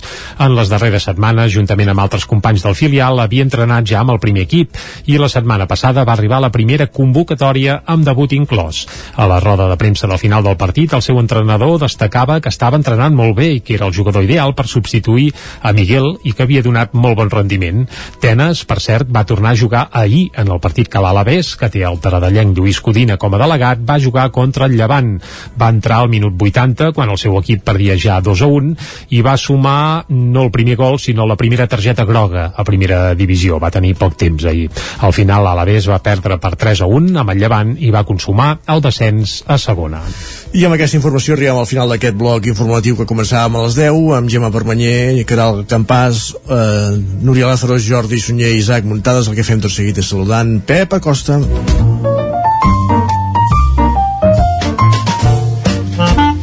Casa Terradellos us ofereix el temps. En Pep Acosta, que a primera hora del matí ens ha dit que entrarem en una setmana gairebé de ple estiu, eh? Però el saludem de nou i que ens ho actualitzi. Va, Pep, salut i bon dia. Hola, molt bon dia. I molt bona hora. Ja venim d'un cap de setmana eh, gairebé d'estiu, eh, molt de sol, algun núvol per molt poca cosa, i unes temperatures entre els 27, 28, 29 graus. Eh, ha fet un cap de setmana molt, molt bo, molt bo, amb una... bueno, bo, vull dir, mm, que ha fet molt de sol, molt de sol, les mínimes encara mica fresques, però també van pujant, i avui sobretot s'han disparat les mínimes. Ja han sobrepassat els 15 graus a moltes poblacions, només han baixat els 10 graus a les zones més fredes del Pirineu. Mm, va pujar la temperatura, eh, és un no parar, és un no parar aquesta pujada de les temperatures. I avui eh, tindrem molt de sol, molt de sol, a la tarda sí que pot créixer una tempesta cap al Pirineu, sobretot cap al Ripollès, però seran tempestes eh, minces, amb, amb poc, eh, molt poc extenses i també poc intenses. No, no són les característiques necessàries perquè hi puguin haver tempestes importants i pocs importants els pròxims dies. Tot el contrari. Eh, molt poca pluja els pròxims dies. I la temperatura avui semblant al cap de setmana. Sembla ser que quan es esperarà més serà a partir de dimecres o divendres. Aquests dies eh, anirà intensificant-se la calor, aquesta bomboira i africà es farà més important. A destacar, abans de marxar, a destacar l'eclipse de lluna que tinc aquest matí, que no l'he vist, he intentat veure'l, però no, no, no, no l'he vist, però segur que molta gent eh, l'ha vist i ha sigut allò més interessant i més bonic. Eh? Els, eclipses, els eclipses són fenòmens eh, que, que, que, que encanten a molta gent i segur que molta gent l'ha pogut veure aquest matí que es veia per, que era 100%, eh, eclipse de lluna, 100% a la nostra latitud. I això és tot, a disfrutar el dia d'avui, a disfrutar aquesta nova setmana, i dia a dia anem actualitzant el temps, però que ja dic, eh, que serà una setmana complicada i amb molt assolellada i massa, massa calor. Moltes gràcies, fins demà, adeu. Vinga, doncs fins demà, amb màniga curta i amb banyador si cal, va. I a refrescar-se. Exacte. Anem cap a l'entrevista. Anem-hi. Casa Tarradellas us ha ofert aquest espai. Anem a l'entrevista, ara que passen pràcticament dos minuts d'un quart d'onze del matí al territori 17.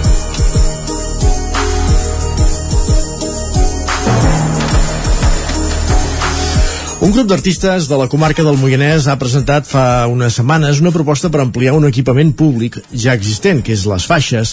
La intenció del col·lectiu Moianès Cultura és rehabilitar l'espai i impulsar una programació cultural sostinguda durant tot l'any amb exposicions, concursos, activitats educatives o festivals, entre d'altres propostes. L'edifici actual és una antiga fàbrica tèxtil que compta amb una nau de 600 metres quadrats en funcionament i altres dues naus adjacents de 3.000 metres quadrats que no estan reformades. Al telèfon hi tenim l'Eduard Altarriba, que és un d'aquests integrants del col·lectiu eh, Moianès Cultura. Eduard, benvingut, bon dia al Territori 17. Hola, bon dia a tothom. Eduard, durant la presentació d'aquesta iniciativa heu deixat clar que és una proposta oberta, no definitiva i en construcció. Per, per on passa ara aquest projecte? Bueno, una miqueta ara el que hem fet és, en certa manera, eh, un dels nostres objectius era posar sobre la taula el debat de, de, de quins equipaments culturals volem, quina cultura volem i en el fons que, quin tipus de poble volem. Uh -huh. que era l'objectiu aquest que teníem immediat i, i això jo una mica ja ho hem aconseguit ara la, ara la cosa està també a veure com entoma el poble i les institucions i veure si tiren endavant ells que és una cosa que no hem de tirar endavant nosaltres Perquè quina és aquesta diagnosi que heu fet, diguéssim? Quina és la situació cultural de Mollà ara mateix? Bueno, nosaltres el que vam fer és, va ser un, vam començar una sèrie de trobades informals entre gent relacionada en certa manera al món de la cultura, interessada a la cultura o artistes, gent que es dedica professionalment a les arts i hi havia una certa inquietud que teníem tots és la man per un cantó la manca d'equipaments a Mollà, perquè això és, és la més sagnant aquesta, diguem-ne, no tenim equipaments a Mollà, no tenim una sala d'exposicions de Sena Mollà, per exemple, que aquí anem de capital de comarca, però no hi ha ni una sala d'exposicions. I tampoc no hi ha una... Sí, hi ha moltes entitats que van fent cosetes i van picant pedra i es barallen des de fa molts anys i ho fan molt bé, però no hi ha una, diguem unes polítiques culturals sòlides per part de les institucions, una cosa que ho vertebri tot una miqueta i sigui un projecte, diguem-ne, de poble ja, a llarg termini. Quantes persones formeu part de Moianès Cultura i quant de temps heu trigat més o menys a materialitzar aquesta proposta, a fer aquesta feina? Eh, nosaltres som unes 50 persones, som així més o menys. Som 50 persones, el que passa que hi ha un grup motor que està diguem el que va empenyent i, i redactant i fent més la feina, llavors al principi com que vam fer una primera reunió que ens vam arribar a juntar 60 persones a l'auditori de Sant Josep, aquí a Mollà, eh, vam decidir organitzar-nos una mica per comissions. Perquè hi havia les plàstiques, la comissió de les tècniques, i a partir d'aquestes comissions es va realitzar un procés participatiu que era la manera de vehicular que totes les opinions aquestes poguessin eh, confluir en la, en la creació d'aquest projecte que ens vam plantejar. Uh -huh. Digue'm. No, dir, i, i la proposta una mica com l'heu definit? Parlàvem això d'aquest espai que, són, que és les faixes, que hi ha aquests 3.000 metres quadrats que no estan reformats, que s'hi hauria d'actuar. Vosaltres, eh, evidentment el que feu és una proposta, ja ho deies abans, que el que cal és que aquí actuï l'administració la, posteriorment, eh, però creieu que aquest és, entenc, el millor espai, no?, diguéssim, on desenvolupar-hi un equipament cultural? Mm, sí, sí, sí, sí. Nosaltres, que hi ha diversos espais possibles a Mollà, el que passa que aquest té un avantatge que és d'una centricitat mm, fantàstica. O sigui, està a, a la carretera, al mig del poble, i faria una mica com de clau de volta entre el que és el poble d'ell i la part més nova de la carretera on s'ha traslladat bona part de la vida comercial últimament. Uh -huh. El fet de també estar al costat de la carretera també implica que té fàcil accés per camions, vull dir que si algun dia s'ha de fer una, imagina't un espectacle gran que requereix que entri un tràiler amb equipament, doncs allà es pot entrar perfectament. Parlàvem de, parlaves ara d'espais i d'usos, per tant entenem més com un complex cultural, no? com, com un gran equipament, diguéssim, en diversos espais on, fer on poder-hi executar diverses manifestacions culturals de tot tipus, des d'obres de teatre fins a exposicions, concerts, el que convingui. Un espai així polivalent i ha, molt, hi ha molts espais, per entendre'ns. Nosaltres quan, quan plantegem aquest espai hi ha plantegem tres eixos fonamentals per pensar l'espai, eh? per fer la nostra proposta. No? Ja sabem que al final no serà així, segurament, ni ha de ser així, però és la nostra proposta i la que defensarem. Però està, està bé treballant màxims, no? Llavors ja s'anirà rebaixant, en tot cas. Exacte. La realitat i l'administració i, la, i les economia i ja, ja faran que, però ja ens va bé que el projecte s'adapti a, a les necessitats reals del poble. Nosaltres el que hem fet és hem, hem tingut tres eixos principals de treball. Per un cantó és l'espai, l'equipament, el hardware, diguem-ne, després eh, què s'hi fa dintre, quina programació s'hi podria haver, i tercer, com es gestiona, quin és el model de gestió que hi hauria per aquest equipament. Val? Sí.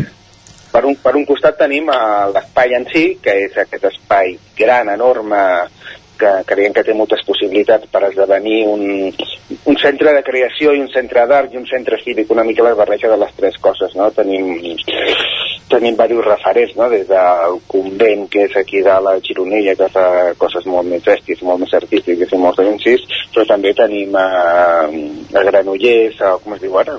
Reconvert. A la Reconvert, exacte, que és un espai molt més institucional, on hi ha la biblioteca i on realment eh, s'hi fa molta vida de barri allà. I potser, bueno, sé, segurament el nostre, el nostre ideal seria més el Reconvert, no? també és veritat, aviam que som mullant, no tenim la quantitat de gent que viu a, a Granollers, amb la qual cosa també creiem que amb l'espai que tenim hi cabem la nostra proposta i un parell més, segurament, de propostes, que és el que fem ara. Val? Perdona, t'estava explicant el que seria l'espai aquest. L'espai aquest, com has dit tu, tenim una part que ja està arreglada, que és el, que és la, la, una, una de les primers eixis de les faixes, uh -huh.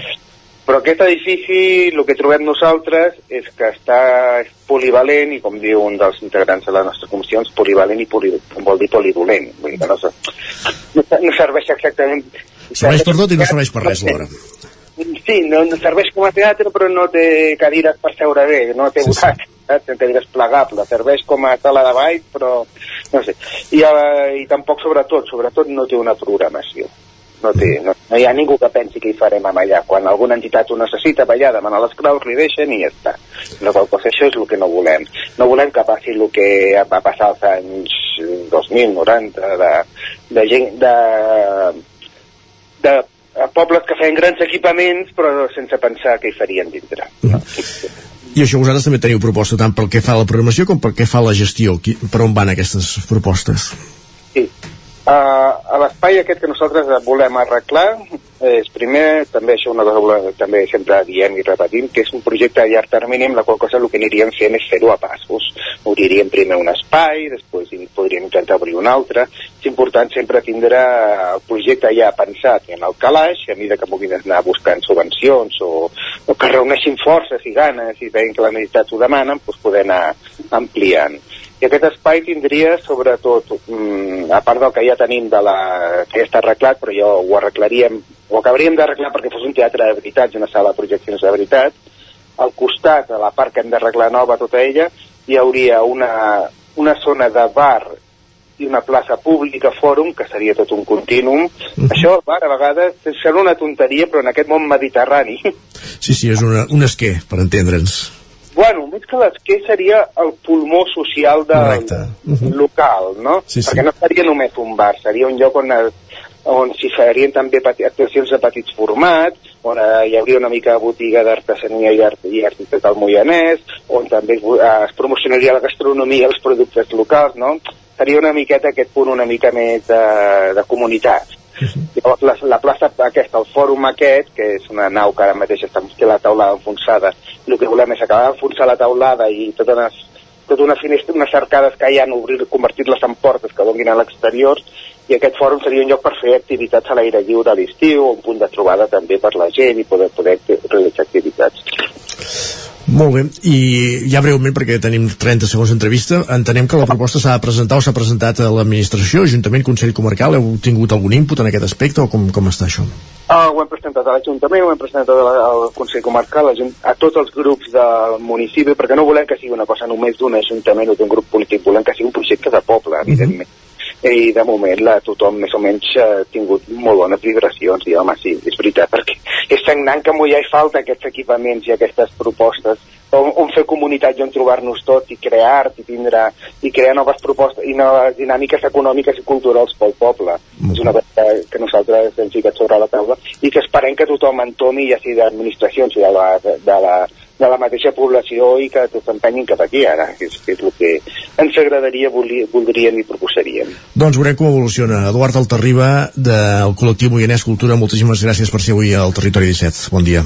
Una cosa només, si, si algú vol mirar el projecte moianèscultura, wordpress.com, allà ho tenen tots. Perfecte, doncs ho apuntem. Moltes gràcies, ara sí, bon dia. Vosaltres, fins ara. I nosaltres el que fem tot seguit és una pausa i tornem. 3 minuts.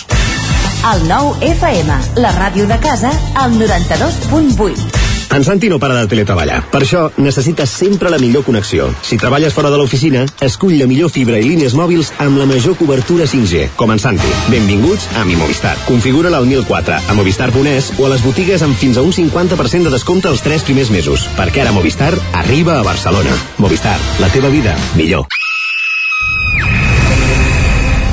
Sherlock Holmes ha mort i Watson necessita la vostra ajuda per tornar enrere en el temps i trobar el punt exacte per salvar-lo del parany de Moriarty. Posa't en la pell del detectiu britànic i resol tots els enigmes en menys de 60 minuts per poder escapar.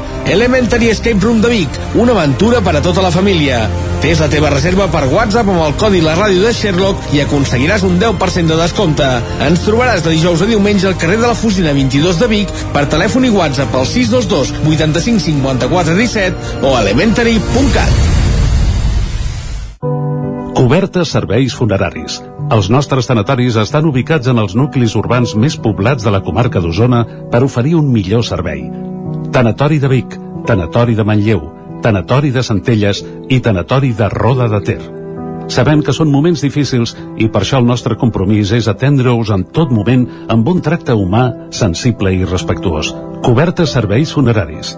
Telèfon 24 hores 93 883 23 46. A Bailan sabem que quan té una avaria a la seva caldera vol una solució ràpida. Truqui al servei tècnic oficial Bailan i els nostres tècnics vindran ràpidament a solucionar-li el problema. A més, si canvieu ara la caldera, us regalem fins a 300 euros. Truqueu al 910 77 88 77 o entreu a bailan.es. Si tens pensat canviar la caldera o posar aire condicionat, posa't en mans a Pradell. Tenen les millors ofertes. Pradell instal·la calderes de biomassa, calderes de condensació, aire condicionat tant per a particulars com per a empreses. Apunta, Pradell, Avinguda Països Catalans, número 27 de Vic. Telèfon 93 885 11 97. Repetim, 93 885 11 97. Cocodril Club. Si t'agrada la bona música dels anys 60, 70 i 80, escolta el 9 FM als matins de dissabtes i diumenges d'11 a 1. És el temps del Cocodril Club, tot un clàssic de la ràdio, amb les bases del pop-rock, les llegendes, les cançons que s'han convertit en autèntics himnes. Recorda, dissabtes i diumenges al matí, d'11 a 1, al 9 FM 92.8. Cocodril Club, el programa revival de l'Albert Malla. Hasta luego, cocodrilo. El 9 FM, el 9 FM, el 9 FM, el 9 FM. En punt, dos quarts d'onze, al territori 17.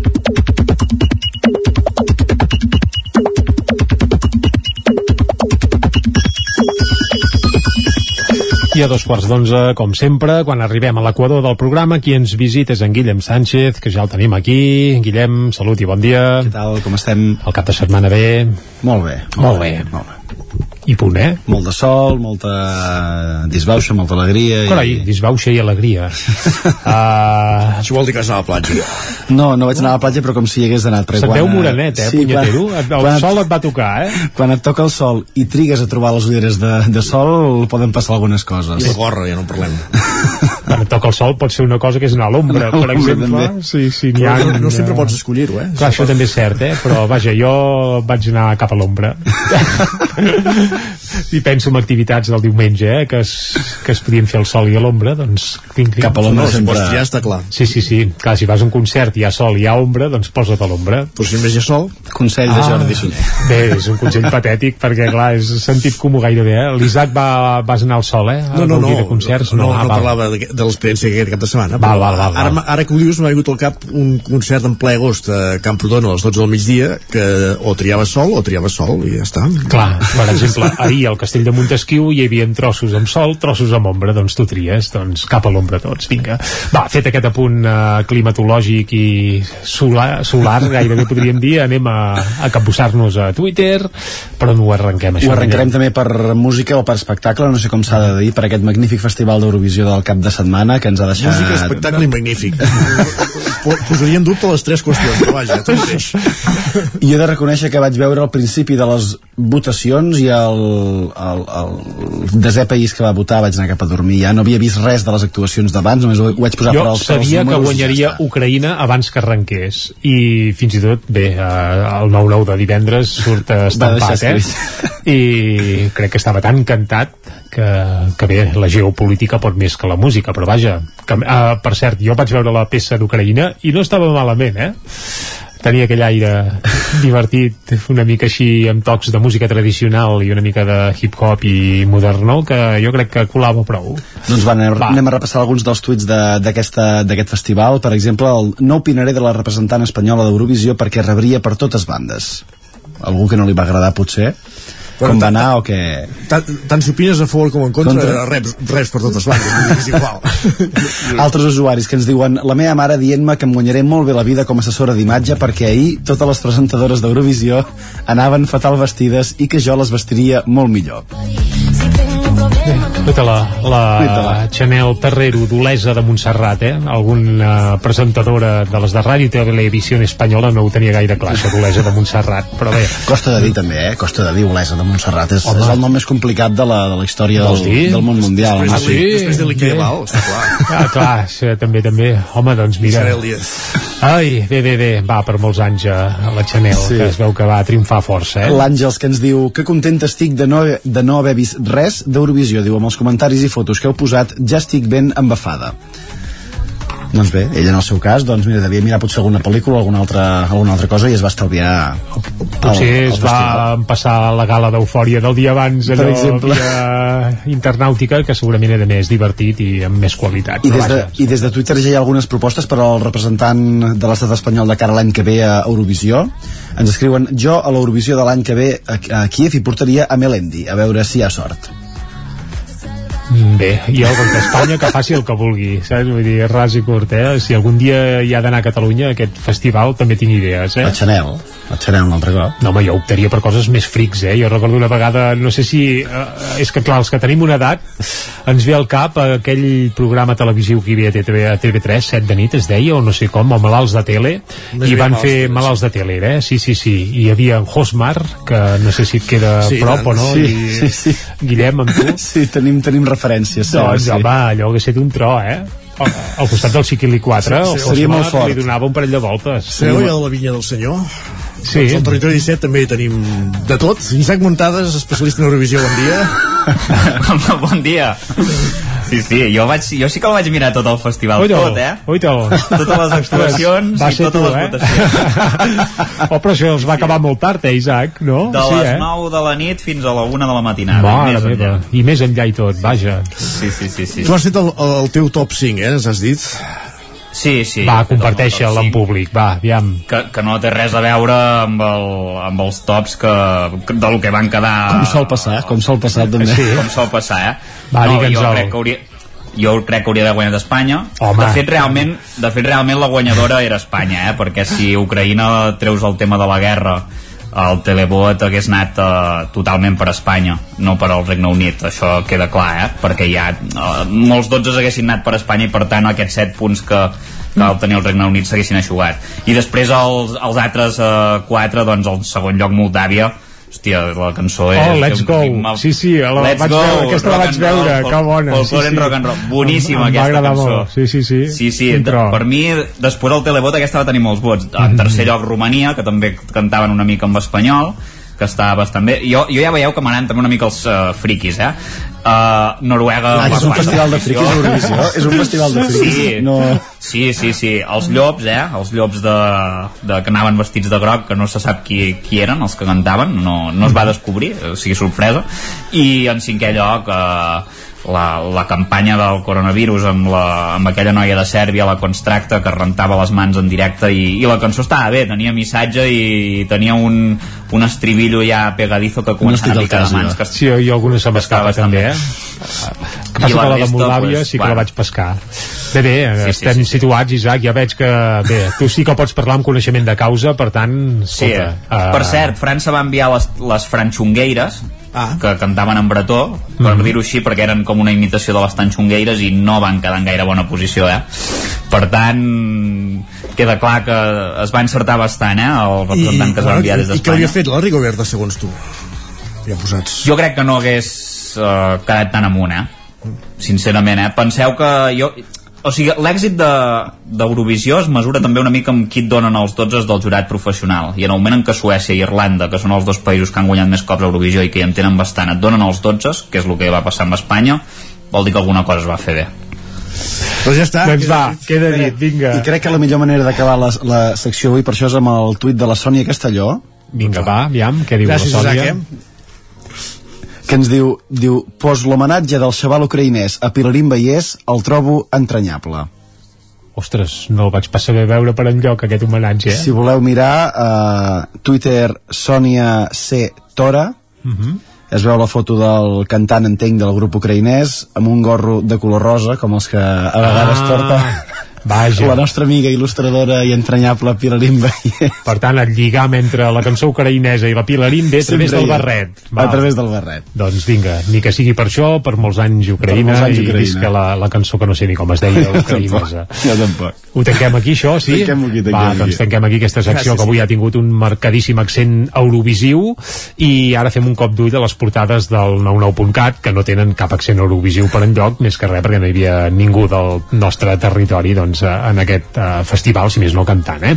Bé, comencem per l'edició del 99.cat del Vallès Oriental, que ara mateix obre explicant que a judici quatre persones per l'ocupació de les instal·lacions d'aigua del Montseny, també el Vall de Gitanes de Martorelles, Premi Clavé de Cultura Popular, i Montornès fa un homenatge a les víctimes de la Covid. Va tenir lloc aquest cap de setmana eh, aquest acte d'homenatge. Anem ara cap a l'edició d'Osona i el Ripollès del 99.cat, que ara mateix obre explicant que el Club de Patinatge Artístic de Tona es va proclamar campió de l'Espanya de patinatge de xous petits. Això va ser aquest cap de setmana a Reus. I també Eloi Creus de Taradell, que pateix una malaltia neuromuscular progressiva, reclama la plena inclusió de les persones amb diversitat funcional, amb un reportatge al 99.cat, i també hi veiem que Ton Granero, Clara Roquet i Marta Serrarol són els finalistes a l'Osonenc de l'any.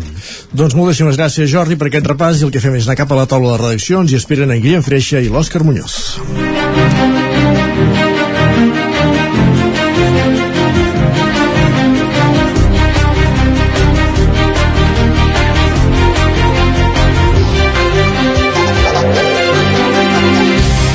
Guillem Freixa, bon dia. Ja. Ara sí, t'obrirem el micro i et podrem saludar bé per explicar eh, aquestes dades que publica avui el 9-9 que diu que un estudi de la Universitat de Vic alerta que els joves d'Osona fumen i veuen per primer cop ja abans dels 14 anys. Sí, eh, exacte. És un estudi que s'ha treballat des del projecte d'Escohort, eh, un projecte liderat per la Universitat de Vic, Universitat Central de Catalunya, i que suposa un punt d'inflexió en l'anàlisi de la salut pública dels eh, joves a la Catalunya central. Per què? Doncs perquè eh, fins ara, quan es anaven a buscar dades de comportaments, hàbits de consum en, en oci dels joves, normalment s'anaven a buscar dades d'enquestes fetes a Barcelona i a l'àrea metropolitana. No hi havia enquestes de gran format o que abarquessin una mostra eh, important fetes a les comarques de la Catalunya central. Això vol dir eh, Osona i el Moianès eh, en el que ens comporten en el nostre, en el nostre cas. Aquest estudi eh, ha pogut eh, desgranar algunes eh, dades i eh, remarquen o alerten d'aquest fet que els joves eh, d'Osona fumen i veuen per primer cop abans dels 14 anys. En concret, eh, l'edat mitjana d'inici que apareix en aquesta enquesta és que el primer cop que fumen en el cas dels nois és als 13,9 anys per tant a la ratlla dels 14 i les noies sí que als 14 anys uh, pel que fa a consum d'alcohol la primera vegada que consumeixen alcohol, alcohol doncs també als 13 anys i mig en el cas dels nois i als 13 anys com a 8 en les noies, a, a la ratlla també d'aquests 14 anys. Uh, dins l'estudi uh, sí que s'han pogut uh, apreciar determinats comportaments, uh, coses que, doncs, que poden permetre també uh, fer uh, accions. Aquest estudi es feia encastant a joves de, de segon d'ESO, de quart d'ESO i després de segon de batxillerat o del segon curs de cicles formatius de grau mitjà. Per tant, també eh, ha d'anar eh, ha d'anar puguem captar eh, l'evolució de, del que deien els, els nois que tenien eh, 14 anys quan en tenen 16, quan en tenen 18, quan es vagi fent aquest estudi. El que sí que s'ha pogut veure en aquesta primera onada d'entrevistes que es va fer durant el curs 19-20 és que en el consum de risc, pel que fa a begudes alcohòliques, doncs es veu que el percentatge va augmentant amb el pas de, dels anys de l'adolescència i, i joventut. Eh, segon d'ESO, quan es fa l'enquesta, el percentatge de consum de risc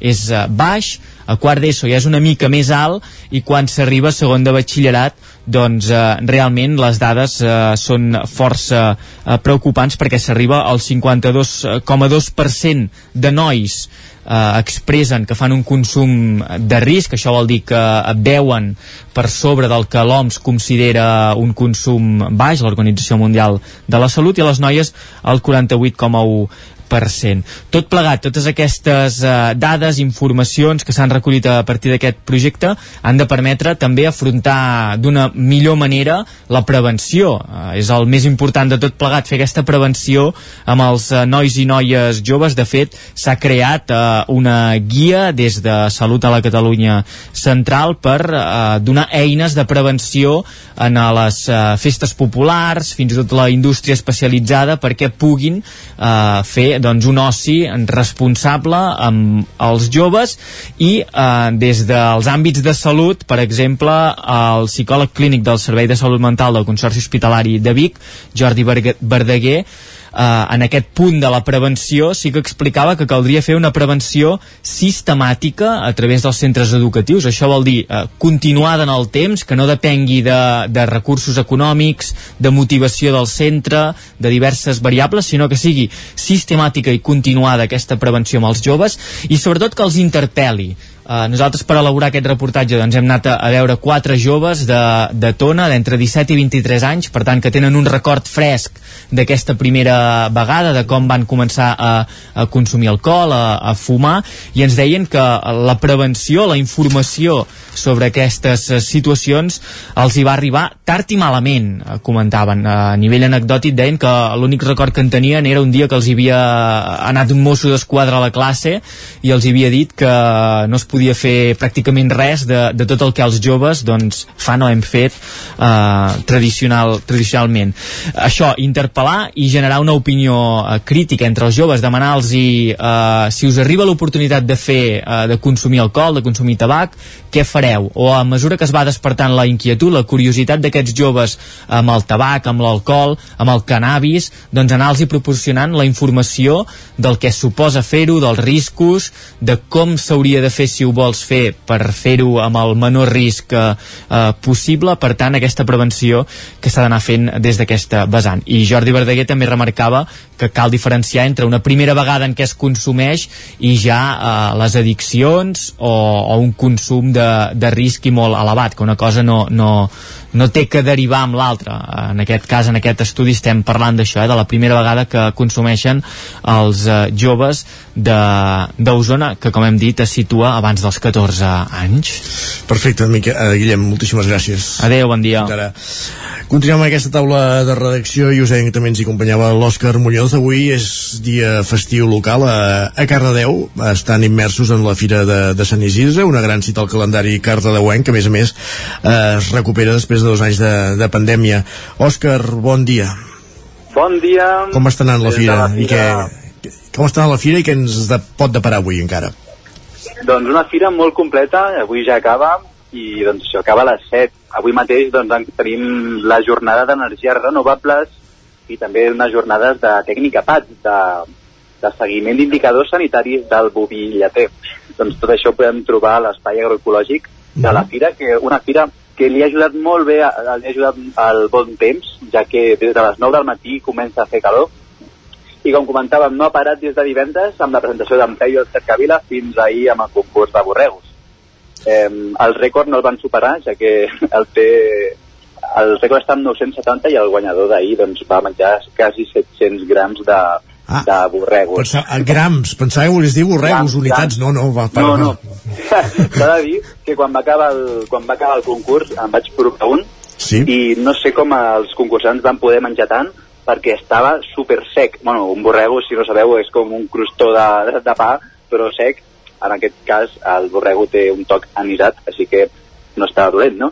I això, eh, el truc que van utilitzar el guanyador va ser mullar-los amb aigua, estovar-los al màxim i, i menjar papilles de borregos. Mare de Déu, senyor. I això, i d'aconseguir doncs, quasi 700 grams de borregos menjats. I això, al concurs... Amb doncs, quant de, anar quant de temps, bé. això? Amb 45 minuts. 45 El, minuts? sí, el, el concurs es repartien bosses de 500 grams de, Sí. de borregos i quan se l'acabaven doncs, podien optar una altra bossa de 300. Mare de Déu, senyor. Que repartien uns 800 grams per cada, cada participant. Molt bé. Per tant, pel que deies, el bon temps ha ajudat que hi hagi fira i la gent en tenia ganes, eh, de sortir al carrer també.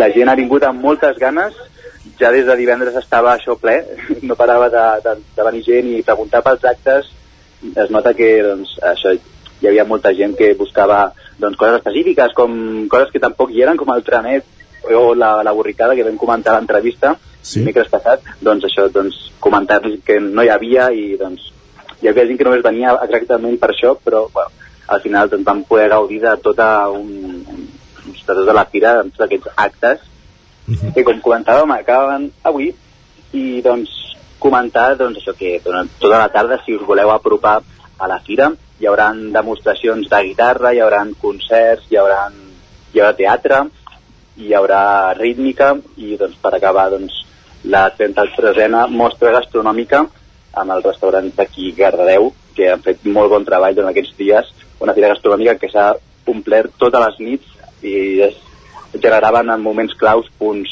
i cues de bastant llargues, la veritat. Molt bé, doncs que acabi d'anar bé aquesta jornada encara festiva i de, de fires a Cardeu. Gràcies, Òscar, per portar-nos l'antena també del Territori 17.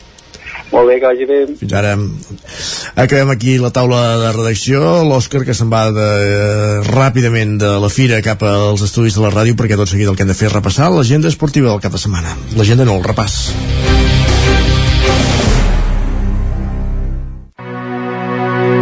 Territori 17 El nou FM, la veu de Sant Joan, Ona Codinenca, Ràdio Cardedeu, Territori 17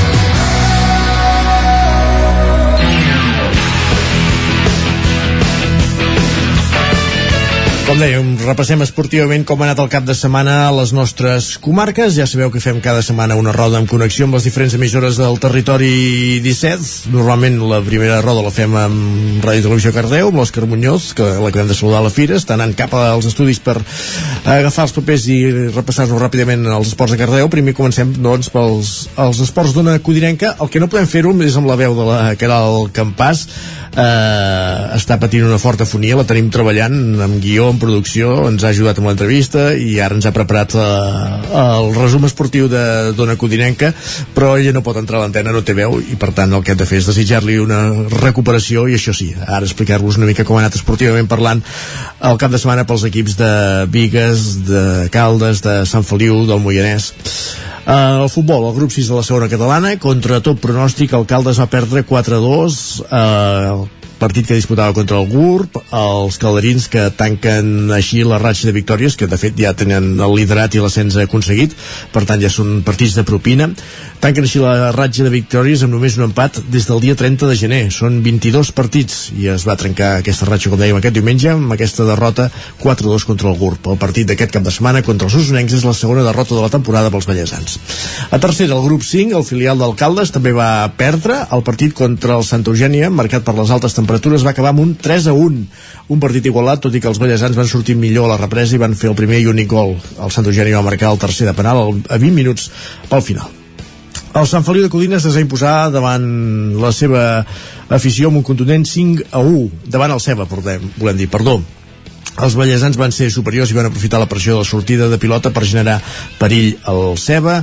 Brito es va avançar al minut 23 amb una centrada i que es va enverinar i el Ceba va fer el gol de l'honor al minut 90.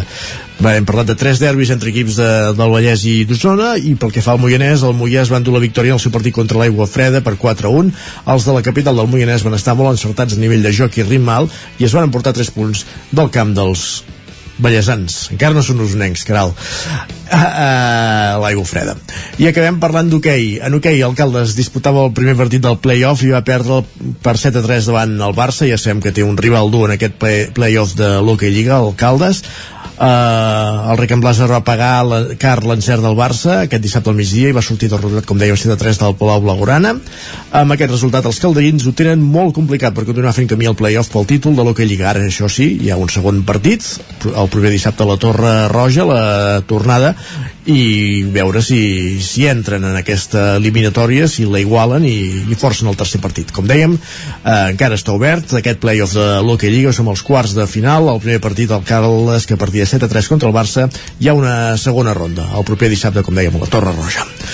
I ara sí, anem cap als estudis de Ràdio i Televisió Cardeu, l'Òscar ja és a lloc per repassar com ha anat esportivament parlant també eh, de setmana pels equips de, de Cardedeu i Granollers i Llanàs. Òscar, bon dia de nou. Doncs comencem el repàs esportiu del cap de setmana a Cardedeu. Comencem a la segona catalana. El primer equip jugava ahir contra el Cirera, Unió Esportiva, un Cardedeu que no va començar endollat al partit i al minut 9 ja feia el primer gol al Cirera. I abans d'acabar la primera part va acabar el marcador amb un 0 a 2. El Cardedeu faria el gol al 53, però sense cap opció a remuntar el partit.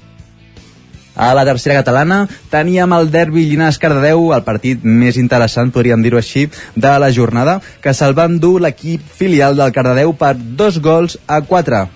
El partit, el Cardedeu es va avançar al minut 9, però el Llinàs es va avançar abans d'acabar la primera part, fent el 2 a 1 i ja la segona el Cardedeu doncs, va remuntar posant el 2 a 4 final al marcador. L'equip filial que encara segueix tercer a dos punts del Sant Celònim i a dos punts de l'Atmella.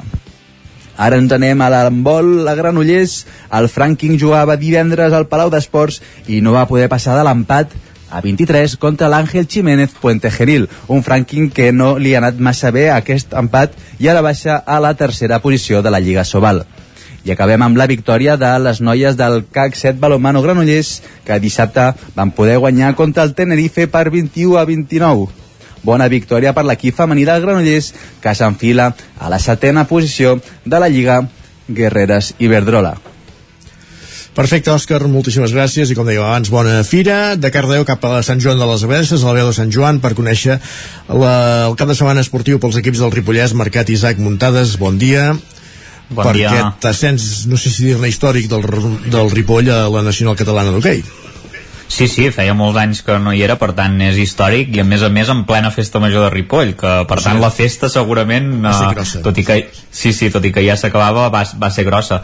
I en, segurament no era un dels favorits per acabar pujant, vull dir, tenia dos partits complicats a- al Ripoll, però, però bé, va superar la primera eliminatòria contra el Valls per eh, 2 a 6 en aquestes semifinals, en, a- en aquesta fase d'ascens que se jugava a la Seu d'Urgell. I en la gran final ahir doncs, va, va superar el Farners 2 a 5 que era un rival, a, més a més, amb qui el Ripoll no havia aconseguit guanyar en la fase en la segona fase, eh, havia perdut a casa, a més a més 3 a 4 i, i allà hi havia empatat però no havia aconseguit guanyar-lo i en aquest partit li va, li va sortir tot i, i res, eh, de fet es va posar Uh, de cara després d'una primera part que sí que va acabar amb empat a 0 a la segona va ser un festival perquè els ripollesos uh, es van posar 0 a 3 amb, amb, un, amb un pocs minuts no? amb una diana primer de Bernat Noguer que a més a més va fer el, el 0 a 2 després uh, Pau Solà va fer el 0 a 3 en un contraatac i, i hem de dir que va tenir algun moment complicat al Ripoll perquè sí que és veritat que el porter va estar força encertat, Pau Franquesa que va, va aturar un penal de, de Viella després eh, van reduir diferències eh, al conjunt de, del Farners Uh, però per sort uh, David Martín va superar el porter rival un altre 1 contra 1 i va fer l'1 a 4 i aquí el moment més complicat potser el Ripoll que, que Caselles va fer el 2 a 4 i hauria pogut fer el 3 a 4 al Farners però Franquesa va aturar un altre penal i al final doncs uh, Saborit va fer el 2 a 5 definitiu de falta directa i es va desfermar doncs aquesta alegria a la pista i realment molta festa, hi havia molts aficionats a la Seu d'Urgell, bastants aficionats diria que la gran majoria d'ells també per la proximitat perquè la majoria d'equips no eren de, de la zona i per tant doncs el Ripoll en va poder desplaçar més. Per tant un ascens històric podríem dir sí, sí. Perfecte. i, i després Sí, anem, anem al futbol, hi ha tres partits bàsicament, el grup 1-4 de la fase de permanència de la segona catalana també bones notícies perquè el Camprodon va salvar una pilota de partit en derrotar l'Unió de Girona per 2 a 0, ja suma 7 punts, tot i així encara és penúltim del grup a falta de dues jornades per acabar, per tant està en zona d'ascens uh, el Camprodon va ser superior uh, en el primer temps sobretot, uh, Lluc va avançar als locals una bona jugada individual també va tenir algun parell d'ocasions per ampliar diferències, es va quedar amb 10 homes al Camprodon a la primera part per, un, per l'expulsió del propi Lluc uh, però no va ser suficient per l'Unió Girona que tot i jugar amb un home més no va sentenciar uh, no va empatar i Abde doncs, va, van fer el segon a 20 minuts del final amb un xut arran de pal a la tercera catalana la Badesenc va ser molt superior al Vilablareig tot imposar-se només 2 a 0 va tenir moltes ocasions. Uh, Cruz va marcar poc després dels, dos, dels 20 minuts amb una rematada després d'una passada Dani dins l'àrea però el segon gol no va arribar fins al temps afegit de la segona part uh, pràcticament a les acaballes. Àlex va rematar doncs, a, a gol després de, de que es fessin diverses passades dins, l'àrea.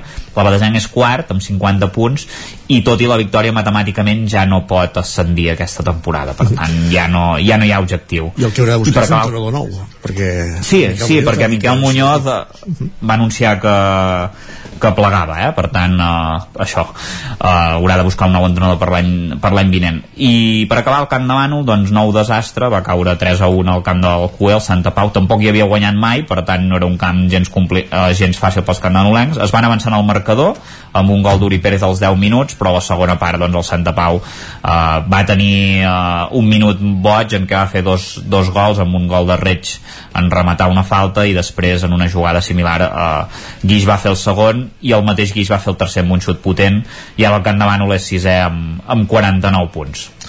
Perfectíssim, gràcies Isaac. Parlem a la tertúlia. Adéu. fins ara. Vagi bé Dos minuts perquè siguin les 11 i saludem ara els estudis del 9FM a l'Ester Rovira. Benvinguda, Ester. Bon dia. Per repassar el cap de setmana esportivament parlant des d'Osona, amb aquesta notícia que llegíem també del 99.cat d'aquest campionat d'Espanya del Club Patinatge Artístic Tona, per Mhm. exemple, eh, per dir un titular. diguéssim. Sí, uh, ha estat un cap de setmana uh, com els últims que estem tenint, no? que, que estem arribant al final de, de les temporades esportives i per tant uh, comencem a, a treure l'entrellat de, de com acaben moltes de les competicions i com bé deies, per exemple, aquest cap de setmana hi havia campionat d'Espanya de shows de, de patinatge uh, a Reus uh, i on el Club de Patinatge Artístic de, de Tona va tornar doncs, a sortir-ne ben uh, victoriós perquè uh, doncs, el seu grup de, de show uh, petit uh, es va imposar en la, en la seva categoria amb la peça Artistic Project uh, en què s'emula doncs, el personatge de ficció de, de Frankenstein uh, mentre que la categoria de shows grans disputat dissabte uh, el conjunt tonenc uh, va aconseguir la tercera posició just per darrere de l'Olot i el Girona. Per tant també uh, un gran èxit tenint en compte que són els grans dominadors mundials de, de l'especialitat. Uh, per tant això que dèiem mm, un bon cap de setmana per al patinatge usonenc a través de, del Tona. I també hi participava el Roda hem de dir que en el seu cas amb la peça Overlock va acabar en quinzena posi uh, posició en la categoria de, de grups de, de shows petit. Per tant bon cap de setmana en el cas del, del patinatge. Uh, i en el cas de l'hoquei doncs també anem, anem sabent com acaben les competicions que encara tenim en joc. Uh, recordem que l'hoquei Lliga ja s'ha acabat però aquest cap de setmana començava el playoff per al títol i tenint en compte que no hi havia presència usonenca tot l'interès estava posat en aquest playoff per la novena i desena posició que està jugant el Voltregà Sí. per saber si aconsegueix l'última plaça que queda en joc per, per anar a Europa per tant en el seu cas per, per tornar-hi. Eh, i en aquest primer partit del playoff que jugava contra l'Igualada i a domicili eh, van aconseguir imposar-se per 2 eh, a 3 per tant eh, tenen avantatge de cara al segon partit que es disputarà aquest proper cap de setmana a Sant Hipòlit. És un playoff al millor de 3 per tant en cas de guanyar ja aquest cap de setmana a casa doncs seria per al Voltregà aquesta plaça i en cas que en aquest partit guanyés eh, l'Igualada s'hauria d'anar al tercer que es tornaria a jugar a la capital de, de la Noia. Això pel que fa al masculí en el cas de, del femení de Sant Hipòlit eh, hem de dir que ha aconseguit la permanència a l'hoquei Lliga. Eh, recordem que l'equip doncs, no està passant per al seu millor moment. Eh, s'ha fet una aposta per, per jugadores joves de, de la casa per renovar el projecte. Mm, després que l'any passat doncs, pengés els patins Motxa Barceló com a última integrant de, doncs, de l'equip que més èxits ha, ha portat a, al club en, a, doncs això, a, en èpoques a les últimes dues dècades sobretot i eh, doncs l'equip ha hagut de lluitar fins ben en, entrat al tram final de la competició. Eh, jugant-se doncs poder mantenir-se un any més a la màxima categoria i ho van aconseguir com dèiem aquest cap de setmana a casa que jugaven contra el Mataró. Eh, va costar però van guanyar per 2 a 1 són novenes eh, a la classificació però com dèiem eh, ja han posat eh, la suficient distància en els partits que queden doncs per en els dos que queden eh, per aconseguir matemàticament la, la salvació i per tant doncs ara ja uh, feina feta i, i poc en joc en aquests dos partits que queden. I el Manlleu per la seva banda recordem que ja estan classificades pel playoff per al títol que juguen els quatre primers classificats de l'hoquei Lliga Femenina juntament amb el Vilassana, el Telecable i el Palau. I el que falta veure en aquests últims partits de la temporada és en quina posició queden cadascuna d'elles per després enfrontar-se en el playoff que és primer contra quart i segon contra, contra tercer. Uh, i li queden doncs, els partits més complicats de la temporada i justament contra aquests rivals uh, més, més, sí, més directes però bé, són com un entrenament no? de cara a aquests partits claus i aquest cap de setmana per exemple visitaven el, el Gijón davant d'aquí van fer un bon partit però uh, doncs, a diferència de la Copa de la Reina en aquest cas van perdre per, per 2 a, a 0 uh, i, i per tant això el que fa és que es complica una mica el factor pista uh, en el cas d'aquest playoff però bé, haurem de veure com queden aquestes uh, uh, últimes jornades exacte, els, els creuaments Qui ens ho havia de dir, eh? és el que té l'esport eh? temps enrere que Voltregà lluitaria per la permanència però bé, ja ho tenim resolt això i, i el, el tema del Manlleu i el Gijón l'important són els partits transcendentals com el de la Copa no? exacte, sí, o aquests últims que vindran ara quan comenci el, el playoff no? en què es jugaran eh, doncs, eh, disputar el títol i ho dèiem quan la setmana passada afrontaven la Copa de la Reina no? segurament el Manlleu no era favorit perquè aquest any en els partits eh, contra els rivals eh, directes de la part alta de la classificació havien punxat en, en pràcticament tots eh, i per tant no, no ningú les feia favorites però clar, una competició d'un cap de setmana en concret en què estàs molt mentalitzat, et prepares moltíssim doncs eh, van demostrar que això és capaç i sí que és veritat que el playoff és, és més llarg, són, són, són més partits però, però bé, mm, tot pot passar i segurament hi aniran disposades a, a, poder, exacte, a poder fer que, que passi. Més Això coses. pel que fa a l'hoquei. En el cas del futbol, sabeu que ara ja portem setmanes centrats en la segona catalana, un cop finalitzada la, la primera, i eh, en aquest cas, eh, sobretot en el, en el Torelló, que és l'equip que eh, doncs, té opcions de poder pujar a la primera catalana, a catalana i acompanyar l'any vinent el Vic i el Manlleu, que seran els equips usonencs que, que hi jugaran.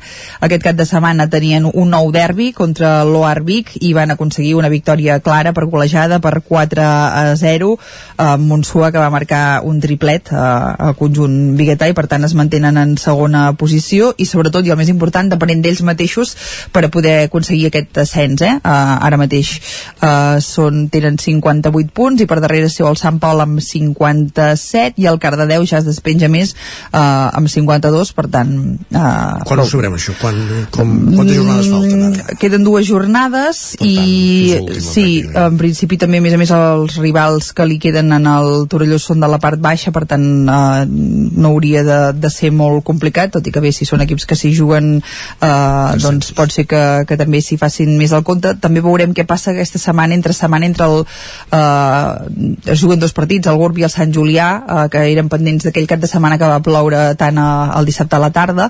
I per exemple el, el Gurb juga contra el Malgrat. Depenent del que passi doncs potser el Malgrat ja no tindrà opcions de res i per tant quan s'hi hagi d'enfrontar el Torelló ja no tindrà res en joc. Mm, aquests, però aquesta propera setmana i els, aquests dos propers caps de setmana eh, seran els, els claus per saber com, com acaba i si realment es produeix eh, aquest ascens eh, també esperat des de, des de fa temps eh, per la parròquia torellonenca de, doncs això, de pujar a una categoria i jugar doncs, ni més ni menys que contra el Vic i contra, i El contra el Matlleu no? i contra el Caldes i el Granollers Exacte, que també són equips del territori 17 que, que, Que hi seran en aquesta, catalana, sí, en sí. aquesta categoria.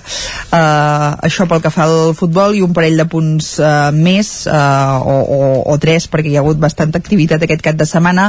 Uh, recordar que es feia el Bike Show, uh, sí. s'estrenava aquesta, doncs, aquest festival ciclista de Vic uh, que va reunir més de 900 uh, participants uh, amb, repartits en sis proves diferents i on va destacar uh, Josep Andreu Cortada que va ser el més ràpid a l'Ultra Bike que era la prova de 150 quilòmetres la prova reina d'aquest cap de, doncs aquest, no cap de setmana, d'aquest dissabte de tanta activitat uh, ciclista uh, encara en ciclisme dir que la taradellenca Anna Ramírez va guanyar per quarta vegada la Titan Desert de, del Marroc que s'ha estat fent durant tota aquesta setmana. El seu domini ha estat clar en, en cada etapa i per tant doncs um, ja feia dies que, que era molt evident que, que segurament podria tornar a aixecar uh, aquest títol uh, al desert de, del Sàhara.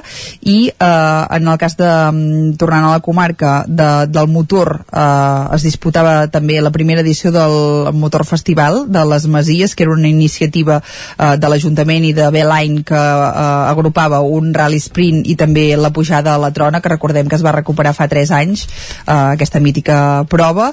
Uh, el guanyador uh, enguany va ser Jaume Guitart, uh, en la seva 17a edició, mentre que Jordi i Sara Oliva van aconseguir la victòria en aquest rally sprint que es disputava dissabte perquè hi hagués doncs, tot un cap de setmana d'activitat esportiva.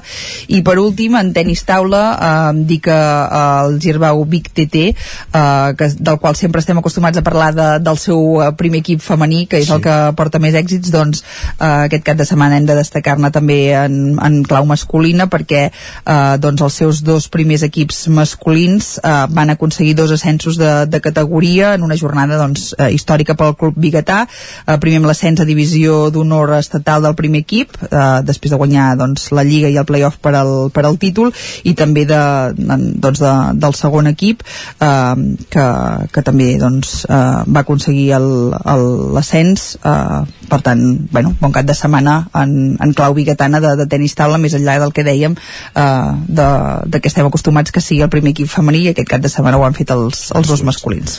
Perfectíssim, gràcies Esther. Que vagi bon bé. dilluns. Continuem al territori 17, moment de posar-nos al dia. Territori 17, amb Isaac Moreno i Jordi Sunyer. Passen pràcticament 8 minuts del punt de les 11 quan us expliquem que des de l'esclat de la guerra a Ucraïna fa dos mesos i mig Osona i el Ripollès han acollit 458 refugiats. Alguns ja han tingut temps de trobar feina i de poder fer parci refer parcialment la seva vida. És el cas de Vadim Petrenko, comercial de l'empresa ucraïnesa Tiso, que ara treballa al grup JCM de Vic. En Vadim és el primer refugiat ucraïnès que va arribar a l'alberg de Vic després de l'esclat de la guerra al seu país. Té 25 anys i ha estudiat Economia Internacional. Treballava de comercial a Tiso, una empresa ucraïnesa que és proveïdora d'accessor al grup del grup JCM Tecnologies de Vic. Com amb els d'altres que han passat per l'Alberg, l'inici del conflicte el van xampar de pas en un viatge de feina. Amb tot plegat no va poder ni voler tornar al seu país i des de fa uns dies treballa per a una de les empreses del grup JCM, precisament de Vic, en jornada de matins i ha reprès l'activitat laboral a distància amb l'empresa ucraïnesa on ja treballava precisament a les tardes. Escoltem el testimoni de Vadim Petrenko. No m'ho podia creure vaig trucar als meus amics i a la meva família i aquell mateix matí vaig rebre l'oferiment de venir a Vic. Em van dir que Accessor era casa meva i que m'ajudarien en el que fes falta. Així és com vaig arribar aquí. I la veritat és que estic molt agraït.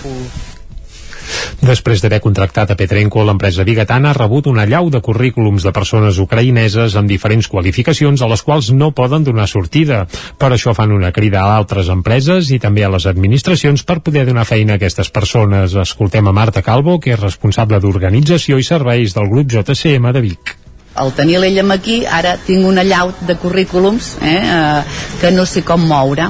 Eh, per això després, bueno, no sé, doncs, bueno, ja, ja tinc algun contacte amb l'Ajuntament i, i és clar, és gent que, que només parla anglès. Aquesta és la petita dificultat, però vull dir, persones que ja tenen, ja tenen el permís de treball, que necessiten diners, perquè no poden treure, no sé, sí que poden treure diners del seu país però una quantitat molt petita, em sembla que els hi han limitat i clar, porten temps sense treballar aleshores sí m'estan arribant molts currículums de persones qualificades L'impacte de la guerra a Tiso, l'empresa on treballa el Vadim Petrenko a Ucraïna, ha anat més enllà de la solidaritat.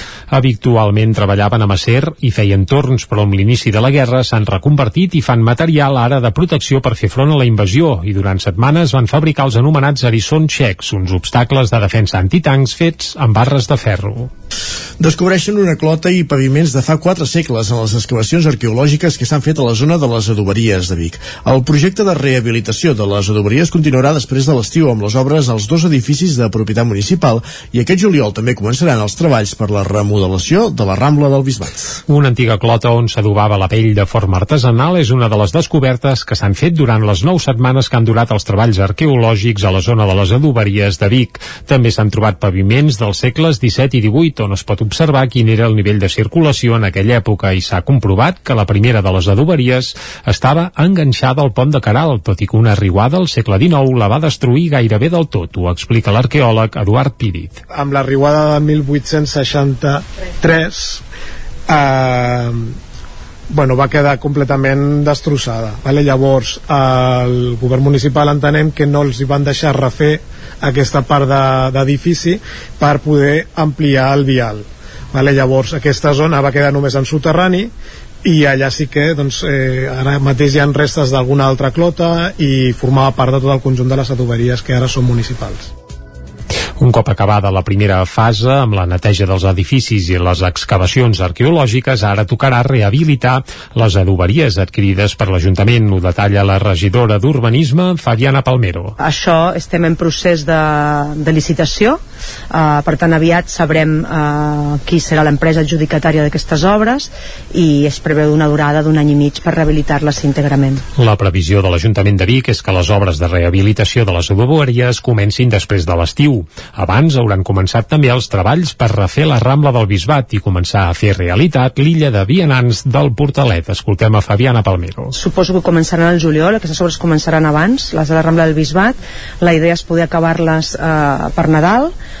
eh, llavors deixar que passi la cavalcada de Reis i començar després amb les obres de la Rambla dels Moncada i confluir en la plaça que és aquest punt estratègic no? de vinculació entre les dues adoberies la 2 i la 4 i la 1 del gremi per poder acabar de consolidar aquest espai públic eh, i donar-li forma.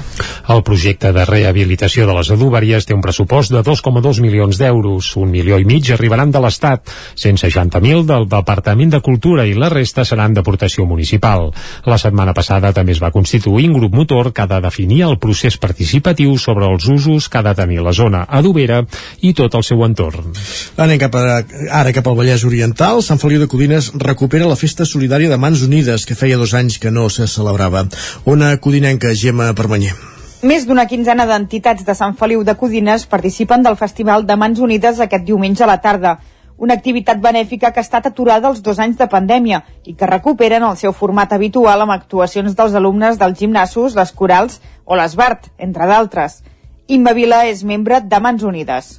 A veure, aquest any ha estat una mica difícil, perquè suposo que com que els altres anys a les entitats ja hi comptaven ja. i fins i tot ja ens deien que, que fareu el festival, eh, compteu amb nosaltres i aquest any hi ha hagut alguna entitat que no hi serà i en lloc d'això ha vingut d'altra gent, eh, per això el projecte pel qual treballen totes les delegacions al Vallès Oriental aquest 2022 es centra al Congo, concretament en la Fundació Socioeconòmica dels Joves de Kisantú.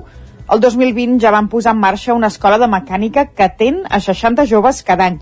El projecte d'aquest any pretén posar en marxa una escola de fusteria, la iniciativa té un cost de 67.000 euros i es finançarà amb les aportacions del Vallès Oriental. I el Ripollès, el conte Soc d'un poble, del grup Robestesa i de l'editorial Nanit, serà l'àlbum a qui es dedicarà la propera sessió del Club de Lectura Infantil de Sant Joan de les Abadesses, Isaac Muntades, la veu de Sant Joan. La propera sessió del Club de Lectura Infantil de la Biblioteca Josep Picola de Sant Joan de les Abadeses, el pròxim 3 de juny, estarà dedicada als àlbums il·lustrats de l'editorial Nanit, en particular en l'àlbum Soc d'un poble, escrit a partir de la cançó del grup Robestesa. L'editorial Nanit està en encapçalada per les seves autores i editores, la filòloga catalana i mig santjonina Núria Puyuelo i Laia Figueres, que és llicenciada en traducció i interpretació, tot i que durant molts anys ha fet de professora de secundària de llengües i literatura. La nit va néixer l'any 2019 i és una editorial que es dedica a treure contes que estan basats en cançons. Són cançons pensades per adults però que els infants les escolten i l'objectiu és acostar el missatge que transmeten. Bàsicament solen presentar la proposta del text al grup i llavors ells hi diuen la seva. El primer conte va ser Compte amb mi de Charango, després va venir el Bon dia dels pets i ara som gegants de Joan Dausà.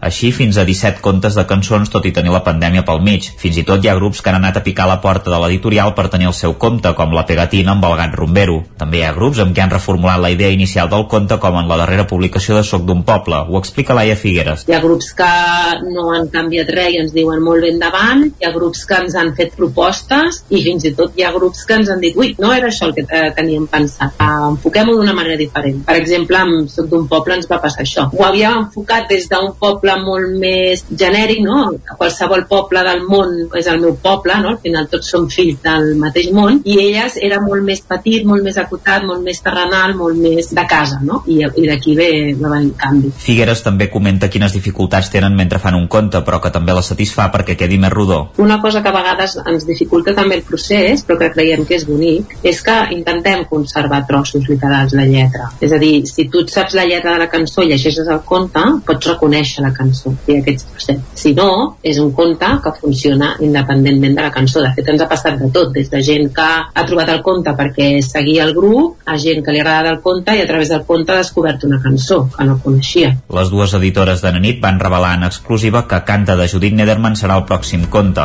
el qual sortirà al juny. Gràcies, Isaac. Amb aquesta crònica acabem aquest repàs informatiu que començàvem a les 11 i 8 minuts amb Isaac Muntada, Jordi Sunyer, Caral Campàs, Gemma Permanyer i Núria Lázaro. Tot seguit al Territori 17. Anem als solidaris.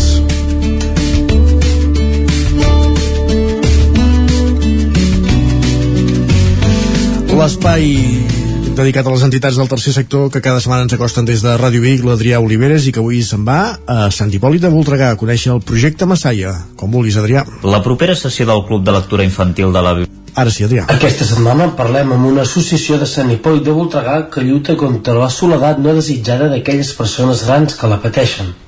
S'encarreguen de combatre-la, fer costat i ajudar aquells que més ho necessiten. Per tant, Projecte Messaia es va iniciar amb un clar objectiu – que fins a dia d'avui intenten seguir complint. Actualment no porta ni 5 anys en actiu i volem donar-los a conèixer i ajudar a fer més gran el seu voluntariat. També volem conèixer el seu origen, les activitats que realitzen i com veuen el seu propi futur. Així que avui, des de Ràdio Vic i a través del Territori 17, parlarem amb la Rosa Maria Còrdova, una voluntària de Projecte Messaia Voluntaris del Voltreganès. Projecte Messaia es va crear l'any 2018 amb la intenció de millorar la qualitat de la vida de les persones que es troben en la soledat no desitjada. La Rosa Maria ens defineix i ens explica els orígens d'aquesta manera. Messaia, eh, voluntari de Voltreganet, és una associació sense ànim de lucre. Mm, va ser creada el 2018 per un grup de, de persones d'aquí del poble i, bueno, i de fora del poble que nos van reunir un dia i bueno, la nostra principal objectiu era compartir el desig d'ajudar a persones grans en la lluita contra la soledat no desitjada. Eh, a partir d'aquí vam fer unes quantes bueno, trobades i vam decidir tirar-lo endavant. Clar, eh, estem situats eh, al centre del poble de Sant Hipòlit, eh, amb un antic, l'edifici és una antiga escola del Sagrat Cor que eh, estava és un edifici que estava tancat i amb un pèssim estat de conservació perquè clar, va entrar el vandalisme i lo va deixar tot destruït. Eh, al principi l'associació, com que no va cedir el bisbat, vam posar mà a l'obra i, vam començar a, bueno, a fer una mica la manera de, de poder mm, estar allà amb algun tros d'edifici, el que poguéssim. Només hem, fet, hem restaurat un tros perquè era molt difícil i bueno, eh, estem allà. La Rosa Maria ens comenta quin era l'objectiu principal del projecte Messaia i quin va ser el motor del principi. Jo penso que l'objectiu de, de l'entitat que vam marcar era millorar la qualitat de vida de les persones soles amb necessitats socials un dels motors d'aquest projecte és el porta a porta que vàrem dur a terme al principi de, en tot el municipi, el municipi de Sant Hipòlit i de Macies de Voltregà. Eh?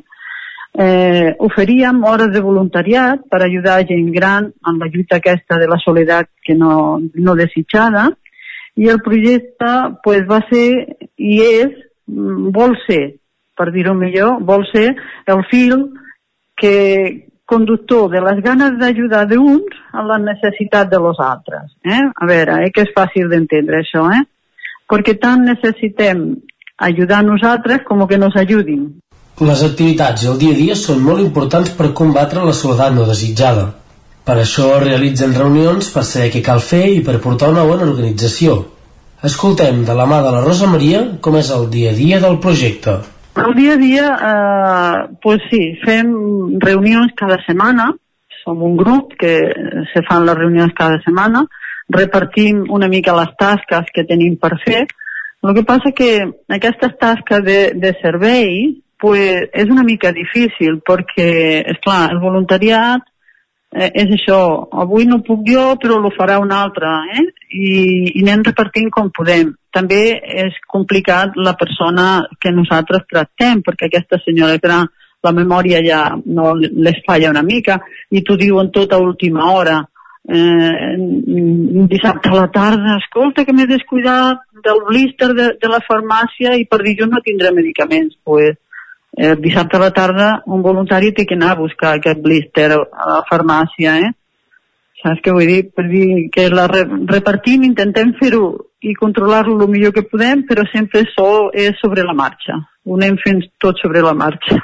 Durant la pandèmia i a l'haver nascut feia relativament poc, no van tirar la tovallola i van seguir ajudant de qualsevol manera a aquelles persones que més patien la soledat no desitjada. Actualment encara estan intentant tornar a la normalitat, la Rosa Maria ens explica com van afrontar la pandèmia. En plena pandèmia, bueno, no es podien fer cap tipus de visites, tu ja saps, ni a domicili, ni a residència.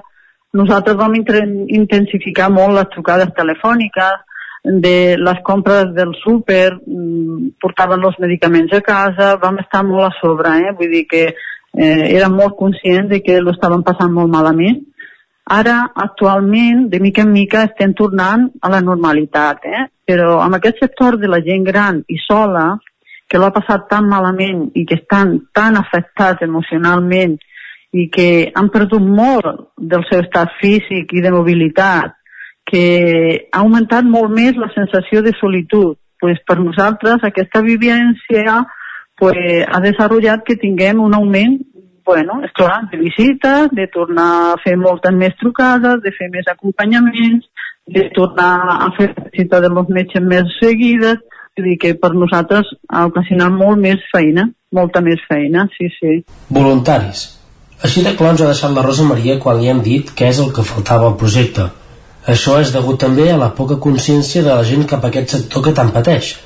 Escoltem què pensa la Rosa Maria sobre la consciència de la gent. Jo no sé si estan prou conscienciada. El que sí que faig és això, faig una crida a la implicació de la ciutadania, especialment a los joves. I, i penso que és una manera de poder eh, continuar atrapant i ajudant a tota aquesta, aquesta gent que, que, que estem així, que, que estem tan vulnerables i que necessiten tant de part de la ciutadania. Quan parlem de futur, la Rosa Maria té molt clar quina seria la millor manera perquè el projecte tirés endavant. Escoltem, doncs, com ens ho explica i una reflexió que ens fa sobre els valors.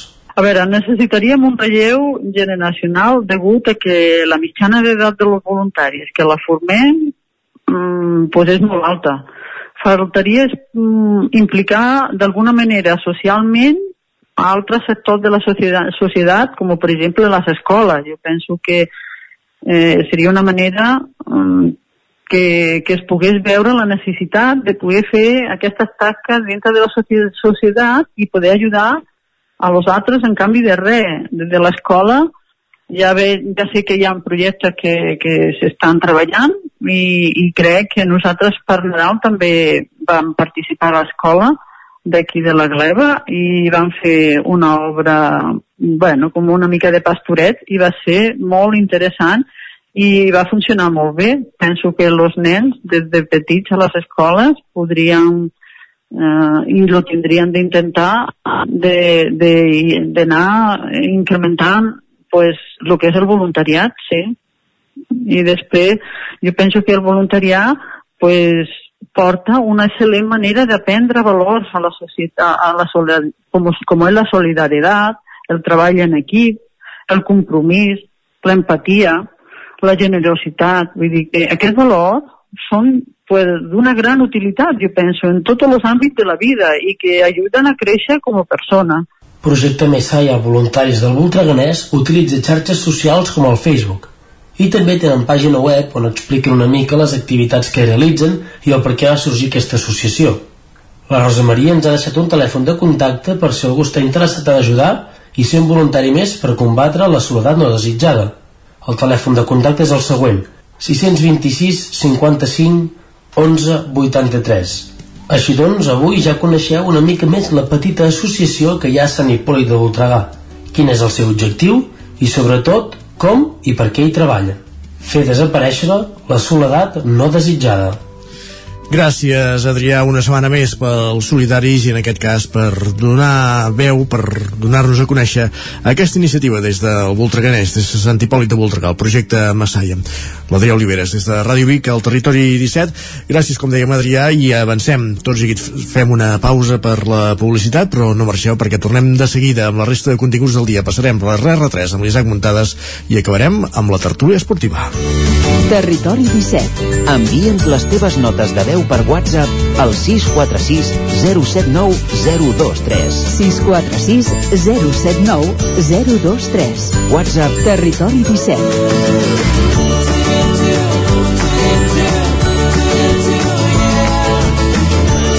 Territori 17. Som a Facebook, Twitter i Instagram amb l'usuari Territori 17.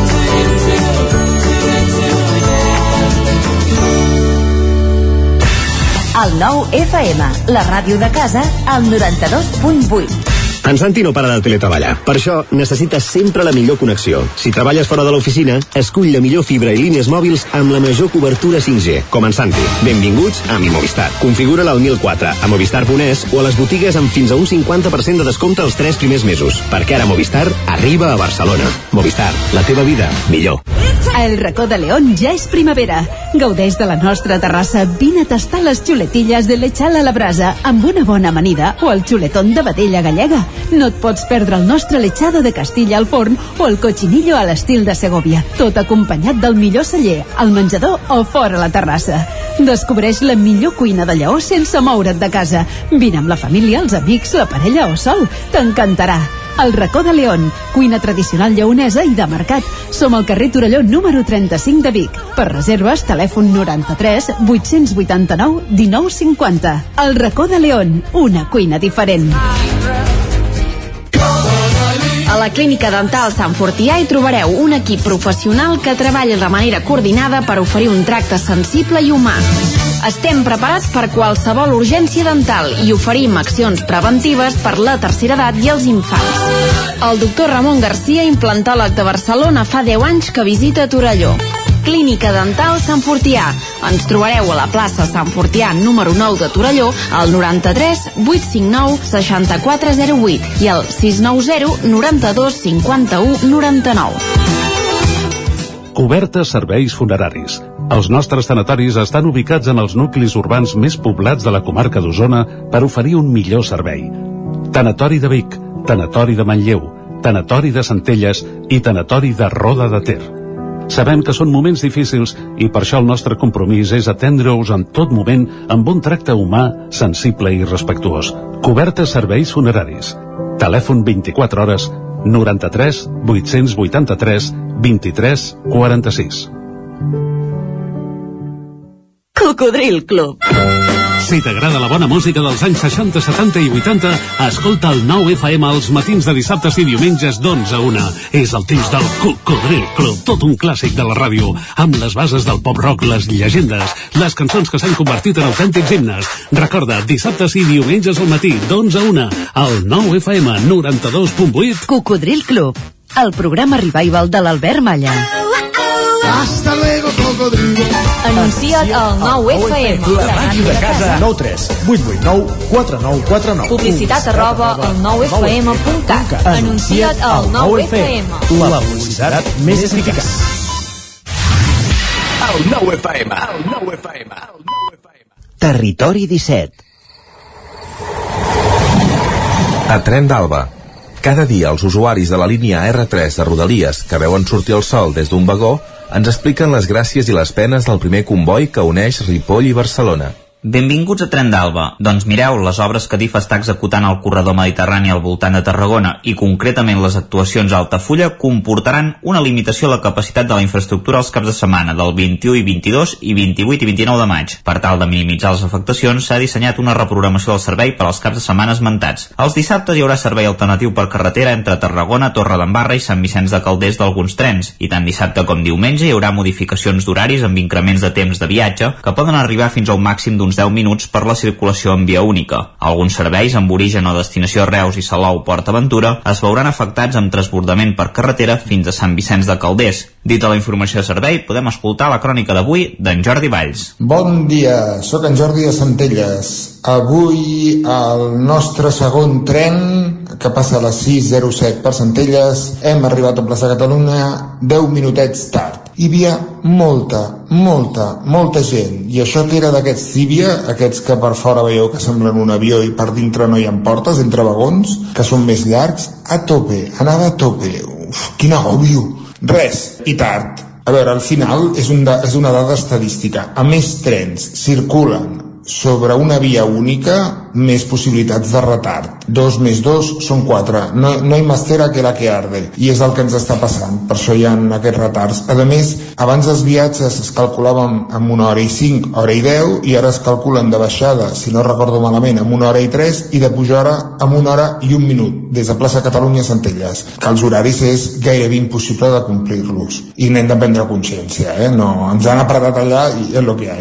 Ostres, coses curioses trobades pel Twitter. Un tio que va agafar el tren a Centelles ahir per la tarda, a més el fil és molt bo, molt bo, molt bo, i parla de que una viatgera suposadament l'havien fotut fora del tren per no portar bitllet, va agafar un martell d'aquells dels vidres i va estar rebentant mentre el tren marxava tots els vidres del tren, de tot un cantó, tots. Aportava fotos i ara els hi passo a la ràdio perquè ho vegin. Una passada, estem ben tronats. Va, dilluns, no passa res. Endavant, res més. Que una mala Renfe no us espatlli l'aventura del tren. Adéu-siau.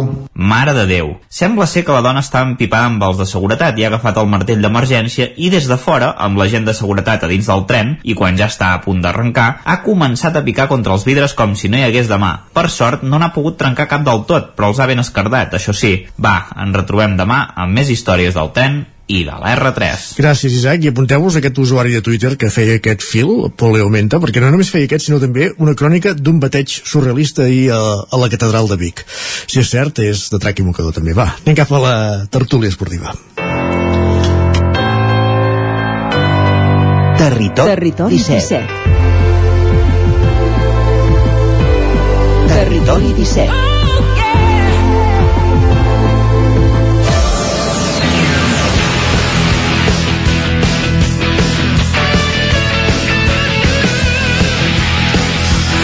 I acabem amb el programa, amb la tertúlia esportiva, acabem el programa amb la salsa del futbol en companyia de Guillem Freixa, Lluís de Planell, Isaac Muntades, benvinguts, bon dia a tots tres. Bon dia. Bon dia. Bon dia. En un Bon cap dia. de setmana en què tothom ha empatat, Cádiz 1, Madrid 1, Getafe 0, Barça 0, Espanyol 1, València 1, M'agradaria, però, començar, Lluís, amb la notícia que sabia dijous a la nit, que em diràs, no, ja estava cantat, però és aquesta sortida de, de l'Espanyol de Rufeta i de Vicent Moreno. Eh, no sé si calia fer-ho això dues jornades per acabar la Lliga, o és la manera de fer els xinesos, o es podia esperar al final de temporada. Vaja, tot plegat bastant curiós, no?, si més no. No, ni, ni xinesos ni històries. És una manera de fer per estalviar-te una temporada de, de fitxa. En, definitiva, si no acabava la temporada Vicente Moreno, eh, el cas d'en Rufet és una altra història, en Vicente Moreno, si no, no acabava la temporada, eh, cobrava aquesta, la que eh, naturalment li, li pertoca perquè faltaven dues jornades, més un, una indemnització ja pactada, em penso que són 400.000 euros.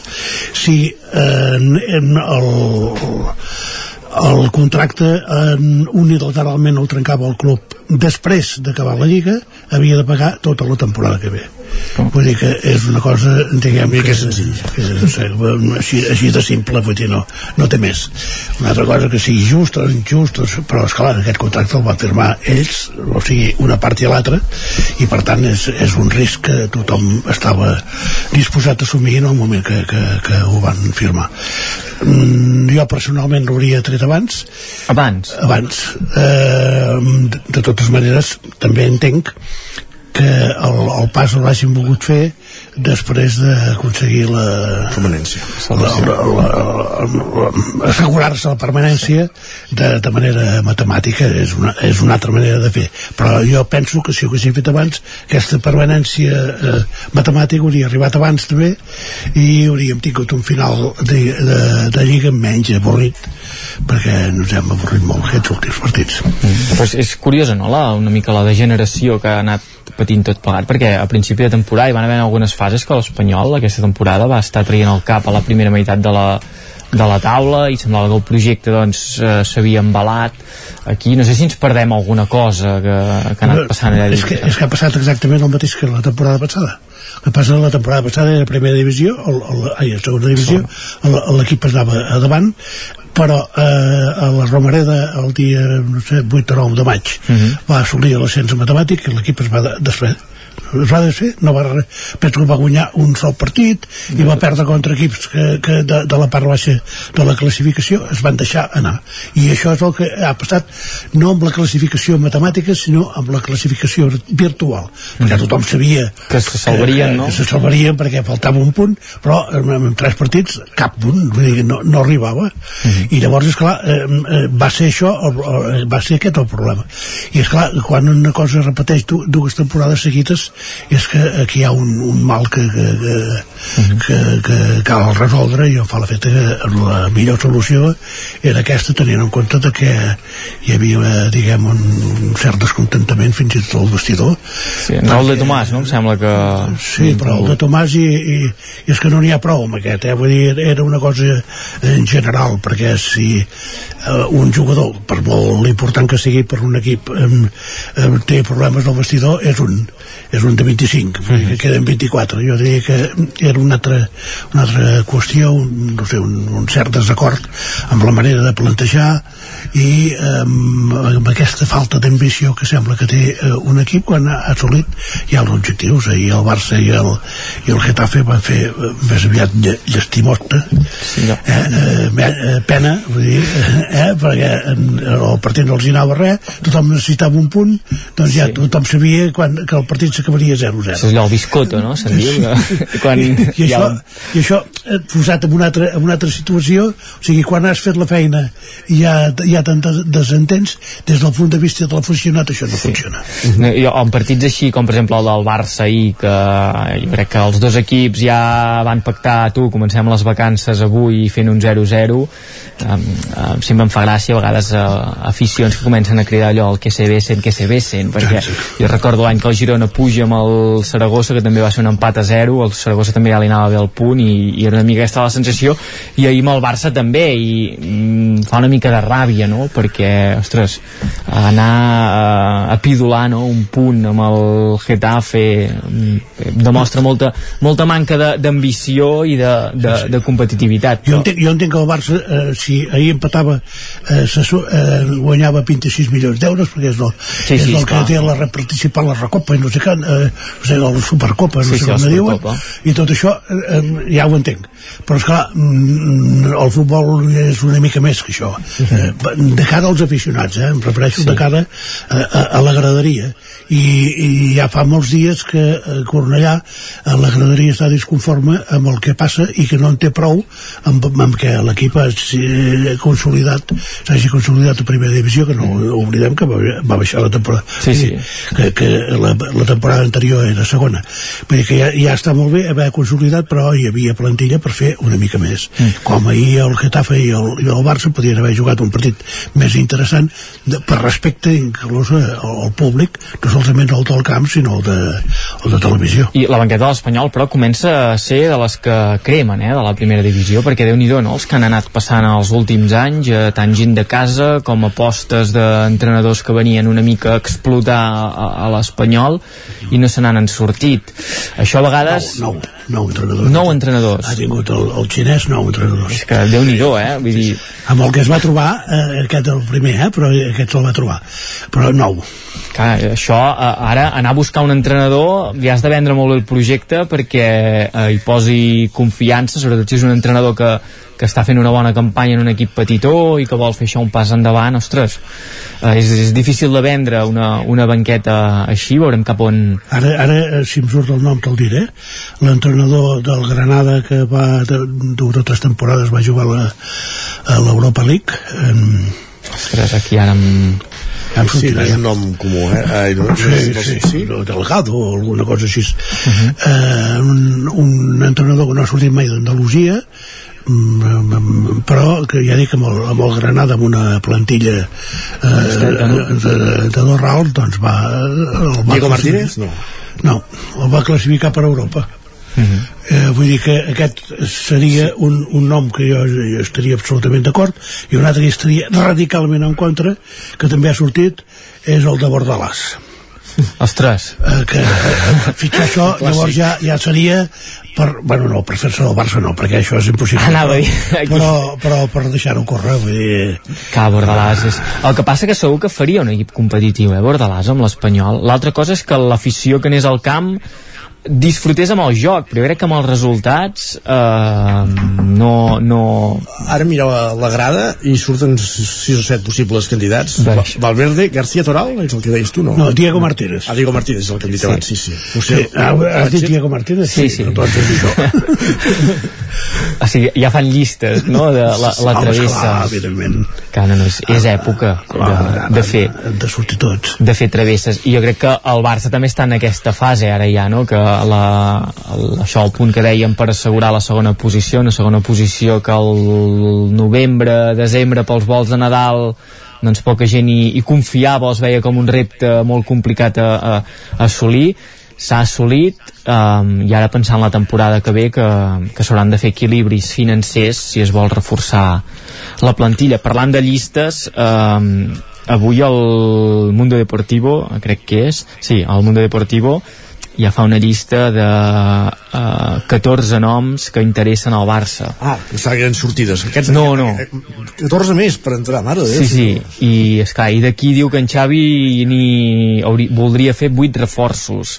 I esclar, són noms que, bueno, tots, diguem, superen les desenes de, de milions d'euros. Per tant, són fitxatges eh, d'un de cert volum s'haurà de, no sé, de fer aquests equilibris de veure qui surt, eh, com surt eh, amb, qui es pot fer caixa amb qui es pot reduir massa salarial. Un que es podia fer caixa amb Coutinho i ho va fer 40 misses milions. Sí, però és clar, eh, feia molt temps que s'arrossegava Coutinho, Ja, ja, en, en tots els sentits, eh, que s'arrossegava com a com a cosa, com a jugador que no acaba de tenir rendiment i que s'arrossegava quan venia al Barça, eh, és clar, a l'Aston Villa mm, ha fet una temporada més que acceptable i per això han decidit quedar-se en canvi quan venia aquí al Barça no hi havia manera de trobar eh, la manera que, que funcionés però se l'han quedat amb 40 milions no em sé ni pico com em va ja, passar ja, el sí, esclar, però això és el, paga més ara, el valor del mercat, no? que en un moment un jugador està a l'alça i té un valor i quan la cosa va de baixada en té, Bueno, en jo no sé si gaires equips haurien pagat el que van pagar el Barça per en Coutinho. Això és un Bueno, altre tema. en el moment aquell que es fitxa No sé pas. jo crec que era un dels jugadors que destacava a Europa i que venia de fer bones temporades amb el Liverpool una altra cosa és si es podia... Haaland, Haaland diu que ha anat a, al City al City per 40 milions. Bueno, clar, aquí també entra la capacitat de, de saber negociar i de que no t'inflin els... Eh, o sigui, que el, amb qui vas a, a comprar no sàpiga que et deixes inflar els preus i te'ls inflin. I el Barça potser durant molts anys ha tingut aquesta fama d'equip que quan anava a comprar eh, digueu-me el preu que us el pago. De fet, eh, no, l'Arsenal i el Borussia Dortmund jo crec que no sé si hi ha alguna placa allà a l'estadi que recordi les transaccions del Barça amb aquests equips perquè, eh, perquè déu nhi no sé, Llavors, llavors fa falta saber-los administrar aquests diners, eh? que és el que tampoc va ser el Barça amb, amb, amb Neymar mai, sí, sí, bueno, però que històricament no, ni amb Neymar ni si anem tirant enrere amb altres futbolistes Amb que, Figo. és que el d'en Figo En, en Figo, llavors, va vendre, Overmars. va vendre una- i va, va comprar quatre patates que... Overmars, Petit i no sé si... I blanc, em penso, o algun d'aquests. Algun, sí, sí. Garrí, que- en aquella època no. es, devia ser també per, per allà eh? i uh, Giovanni amb, amb E, no? Giovanni que va jugar també al, al Barça per, per aquella època Ets aquí, Isaac, o no? Sí, sí, sí. Ah, Ah, estava, a pu- estava a punt de dormir-me, és que ja estic en, No. en, el, en, el mode, en, el, en el mode final de la Champions. Anava a dir, jo, ho hem allargat Isaac, no ho trenquis que ho estàvem allargant molt bé això de, de no parlar de la Champions Està mirant Eurovisió, està, no. està per Eurovisió. No, però, però, però en Lluís ja ha tret el Liverpool. Sí, sí. eh, De fet, la setmana que també juga una final. Bueno, aquesta setmana juga una final a Turí. És la segona part d'Eurovisió aquesta setmana de, a Turí, No. amb la final femenina. es juga Eh, una final de Champions que ha de jugar al Barça també és que... Sí, sí, sí. eh, La lliga, felicitats. perfect, la lliga perfecta, eh? Sí, sí. Felic felicitats, enhorabona i espero que ho guanyeu tot i sigueu molt feliços però la final que realment jo crec que farà mal, farà mal si la guanya el Madrid és la, és la d'aquí dues setmanes I el farà més si la guanya el Liverpool. Mm, bueno, uh, per, a, per perdre les finals s'hi ha d'arribar, això ho deia Això un amic clar. meu i, i té tota la raó, no? i el Madrid hi sol arribar-hi i de 16 que hi ha arribat a la final de la Champions n'ha guanyat 13 de moment, està bé la... Està bé n'ha quedar-se guanyat amb 13, bast- és un número maco. n'ha guanyat bastantes, sí, però jo en vull 14 i, i, i, i com que he sentit abans que ja deu Liverpool ja m'he començat a despertar perquè dic, ostres, per fi parlarem de la, de la final de la Champions que jo crec que és el que interessa, perquè jo crec que la Lliga També ja podem no parlar de l'empat amb el Cádiz que... a ningú i el Bau Sol. no, per, és que l'empat amb el Cádiz és que el Madrid va sortir a jugar per, per complir, per, per sortir a jugar saps? va treure 11 jugadors que dit, va, aviam l'Ancelotti va dir, aviam, qui vol sortir a jugar avui? perquè, per, per, perquè realment Això se'n diu disciplina, vaja. i, i tot i així, i tot i així va estar, van estar a punt de guanyar el partit vull dir que també i, i també va sortir Hazard una estona i no va fer pas mal partit vull dir I de que a poc a poc I de perdre'l. Sí, però bueno, en Lu- en Lunin ja vam veure que també és un bon porter, que sap eh, parar penals i, i bé. Jo ja, ja estic mentalitzat de la, en el mode final de la Champions, a veure què passa amb el Liverpool aquests dies, que l'altre dia ja va tenir algun ensurt amb, amb la seva estrella, amb Salah, que deia que era el millor jugador del món en la seva posició, i que, i que de poc que no poc li ha faltat per no jugar-la també és, està mig lesionat amb Van Dijk el porter també es va fer mal a veure, a veure si tenim una mica de sort i potser no arriben tots a, a la final de la Champions i, i després estem, els culers, di- Aquest el després, després els culers diran Sí, no, però després els culers diran és que no té mèrit, perquè no hi havia en Salah, no hi havia l'altre. Bueno, Va, al fi, al fi, és el que hem sentit de, de Benzema del, de no seria el dia contra el Barça, eh? Sí. Sí, sí, sí. I no hi era, no hi era, i efectivament es, va ser per això que es va produir el resultat aquell. Ah, exacte. Evidentment, evidentment perquè si arriba Benzema, si arriba Benzema al camp, que ha estat el màxim golejador de les eliminatòries de la Champions decisiu en cada partit, doncs segur que no hagués passat. Però és igual, si aquell partit va ser, va ser intrascendent.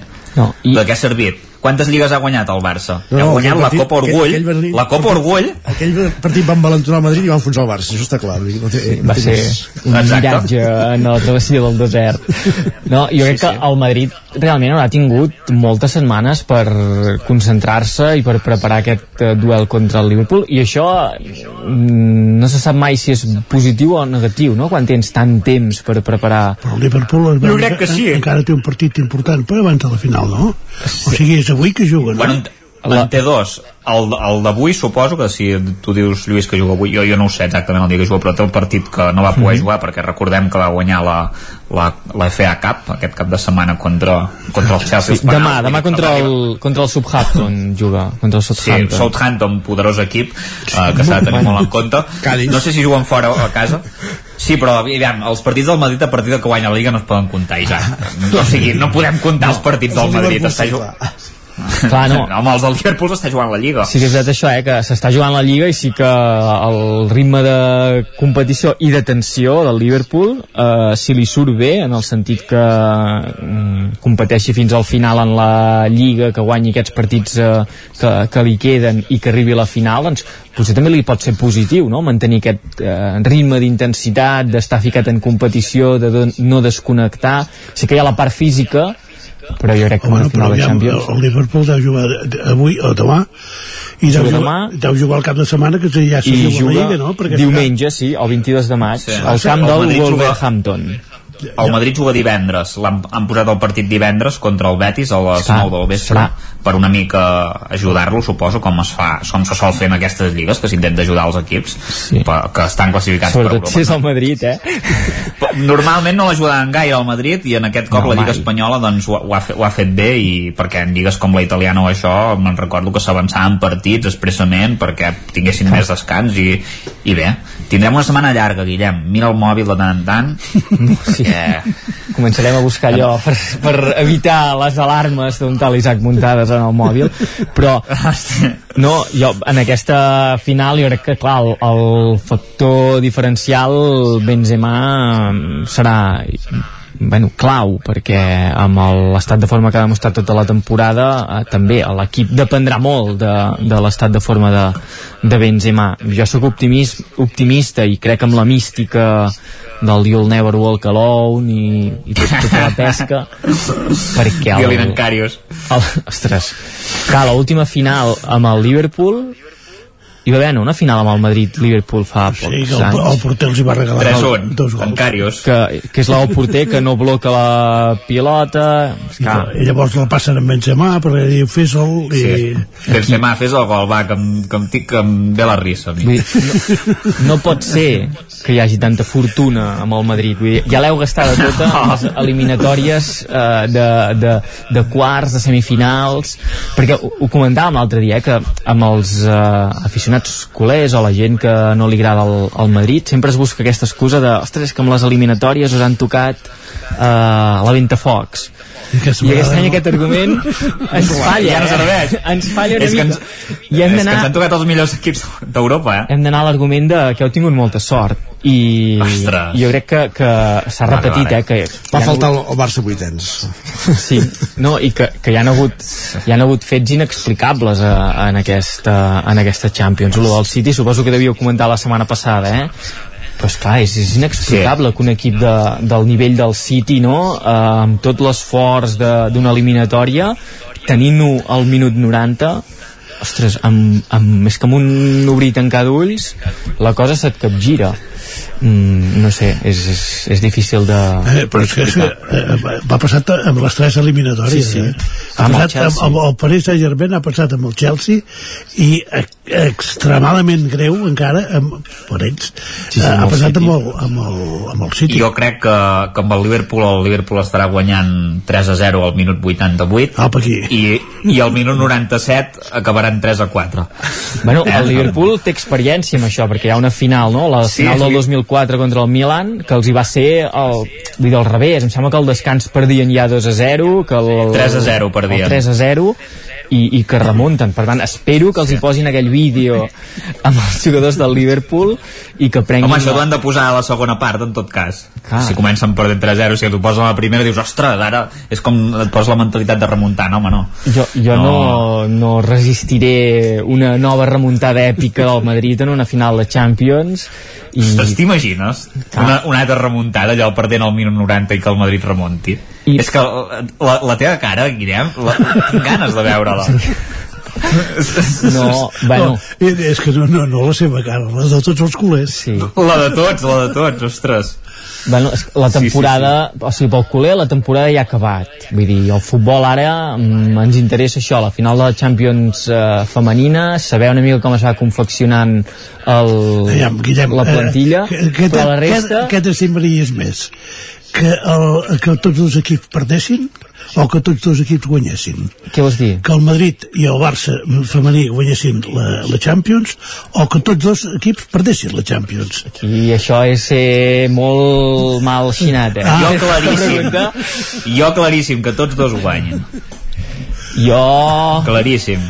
Ah, però no, ell no, esclar, no. els culers no. No responc, no, m'estiu més no fer valoracions. Ostres, que, que ets mal culer, eh? Mira, jo no. no em fa res, eh? Perquè el Barça femení està cau bé, són bona gent, vull dir, no, no van amb malícia, estaven a ajudar el Madrid a classificar-se per la Champions. Exacte. Però, però, però que, que tu no vulguis que guanyi el Barça femení... No, però és que l'idili... O sigui, l'idili del Madrid amb la Champions fa molta ràbia. perquè és això, no? El, el, Ostres, el sentiment de, del Barça cap a la, la Copa d'Europa, la, la Champions League, és que sempre que s'ha guanyat han sigut temporades que passen a la història, que, que s'ha hagut de fer un projecte molt sòlid, amb un futbol excel·lent, per tant té un valor molt elevat la Champions League per un culer i en canvi el Madrid eh, ha anat guanyant Champions en sí. situacions no et eh, que no siguin meritòries però amb equips que bueno, Amb equips què? No, què? A veure, no, o sigui, en- en plantilles del Amb Real l'Eintracht de Madrid- Frankfurt, que us No. va golejar. no, però vull dir, en plantilles que segurament a principi de temporada no hi havia la sensació que aquesta plantilla del Real Madrid doncs eh, seria campiona d'Europa. En canvi, si tu te'n vas a l'any que el Barça ha guanyat eh, Champions, més enllà de la primera d'en Guardiola, que sí que arrenca amb moltes... Bueno, arrenca fatal i acaba molt bé, Uh, però excel·lint en el joc i excel·lint en, en molts àmbits la resta de competicions o la resta de, de Champions sí que han sigut en projectes que a principi de temporada ja era ostres, aquest any el Barça és un clar favorit a la Champions. El Madrid, jo crec que si ara rebobinéssim al setembre i et demanéssim Isaac, el Madrid guanyarà la, la Champions? Ens diries que sí perquè sempre vas amb la bufanda posada. Això ja t'ho dic. Però la lògica et, et hagués portat a dir no, veig equips que són eh, molt més potents, el Chelsea, el City, el PSG eh, altres equips El eh, Madrid té el Plus Champions. Bueno, que els altres equips no tenen. i és això el que fa ràbia. Per tant, amb aquesta pregunta de, sí. de guanyar o perdre el Madrid la final de Champions, jo crec que ja podeu anar deduint cap on va la meva, la meva resposta. Um... És que pel Barça la Lliga eh, eh, espanyola té una importància relativa i no. la Champions en té molta. No, no, la... I, en, o sigui, fins que no torneu a guanyar la Champions eh, les passareu molt punyeteres. Molt, molt. Jo crec que hi ha una, sí, sí, una sí, travessia sí, sí, del desert important perquè no tenim aquest gent del Madrid. O sigui, el Barça l'any que ve fent un projecte que es fitxi Lewandowski o que es consolidin. Pedri i aquests jugadors a, a un primer nivell Uh, no arribarà lluny al Barça, no li passarà, no tindrà aquest, uh, aquesta aura uh, a la Champions. Jo al Madrid sí que, que ho fa, no, no hi trobo explicació i em fa, em fa fins i tot ràbia. Vull dir, no, no, no puc fer-hi res. ràbia. Amb, Sembles amb en això. Gargamel, ara. Sí. De totes maneres, el, el, el, el Madrid, la cosa que té en aquest Madrid actual, eh, és que té en, en jugadors en poquets en formats a casa i els no formats ja porten molts anys al Sí, sí, club sí, sí. Eh? Que són jugadors que podrien estar a les acaballes, de, o a les acaballes, Sí. o a les últimes fuetades de la seva ja, carrera. ja ho estan per mi, eh? Però Sí, va, Però ara com vindrà que són bons- i... Clar, com que són bons, Sí, doncs, sí. doncs eh, el nivell és altíssim i, i uns s'ajuden als altres i el dia que no funciona en Modric en, en Kroos, que, que té més problemes entenc jo, i ara en Valverde que ja no és tan eh, eh, veterà, doncs els hi dona un cop de mà i sempre Com de, no? tenen, exacte sempre tenen, l'altre dia en, en, això, Camavinga eh, estava al mig del cap sol Ah. i, i, i ell sol s'ho va fer, vull dir que no ho sé i a davant tenia tot un siti Sí, sí, sí. No, no, i que... llavors, esclar, són, són aquestes les coses que no s'entenen del Madrid I, per, i, I això per fer els que potser en un principi no s'hi comptava gaire, que han acabat donant el, el do de pit. Eh, el Camavinga, que potser no era una peça molt, molt important, doncs ha acabat donant el do de pit. Ho deixem aquí, nois. Gràcies per ser-hi. Parlem dilluns vinent. Per cert, Isaac, que amb aquestes temperatures jo em trauria la bufanda, eh? però vaja, tu mateix. Va, bon dia a tots tres. Guillem Freixa, Isaac Bon. Portades, Lluís de Planell. Adéu-siau. Adéu, bon dia.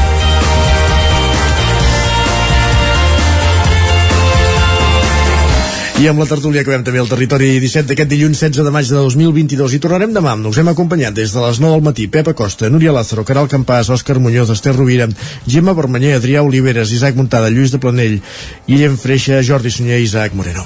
I tornem demà a partir de les 9. Us esperem aquí. Gràcies per ser-hi. Bon dilluns. Territori 17, un magazín del nou FM. La veu de Sant Joan, Ona Codinenca i Ràdio Cardedeu amb el suport de la xarxa. El nou FM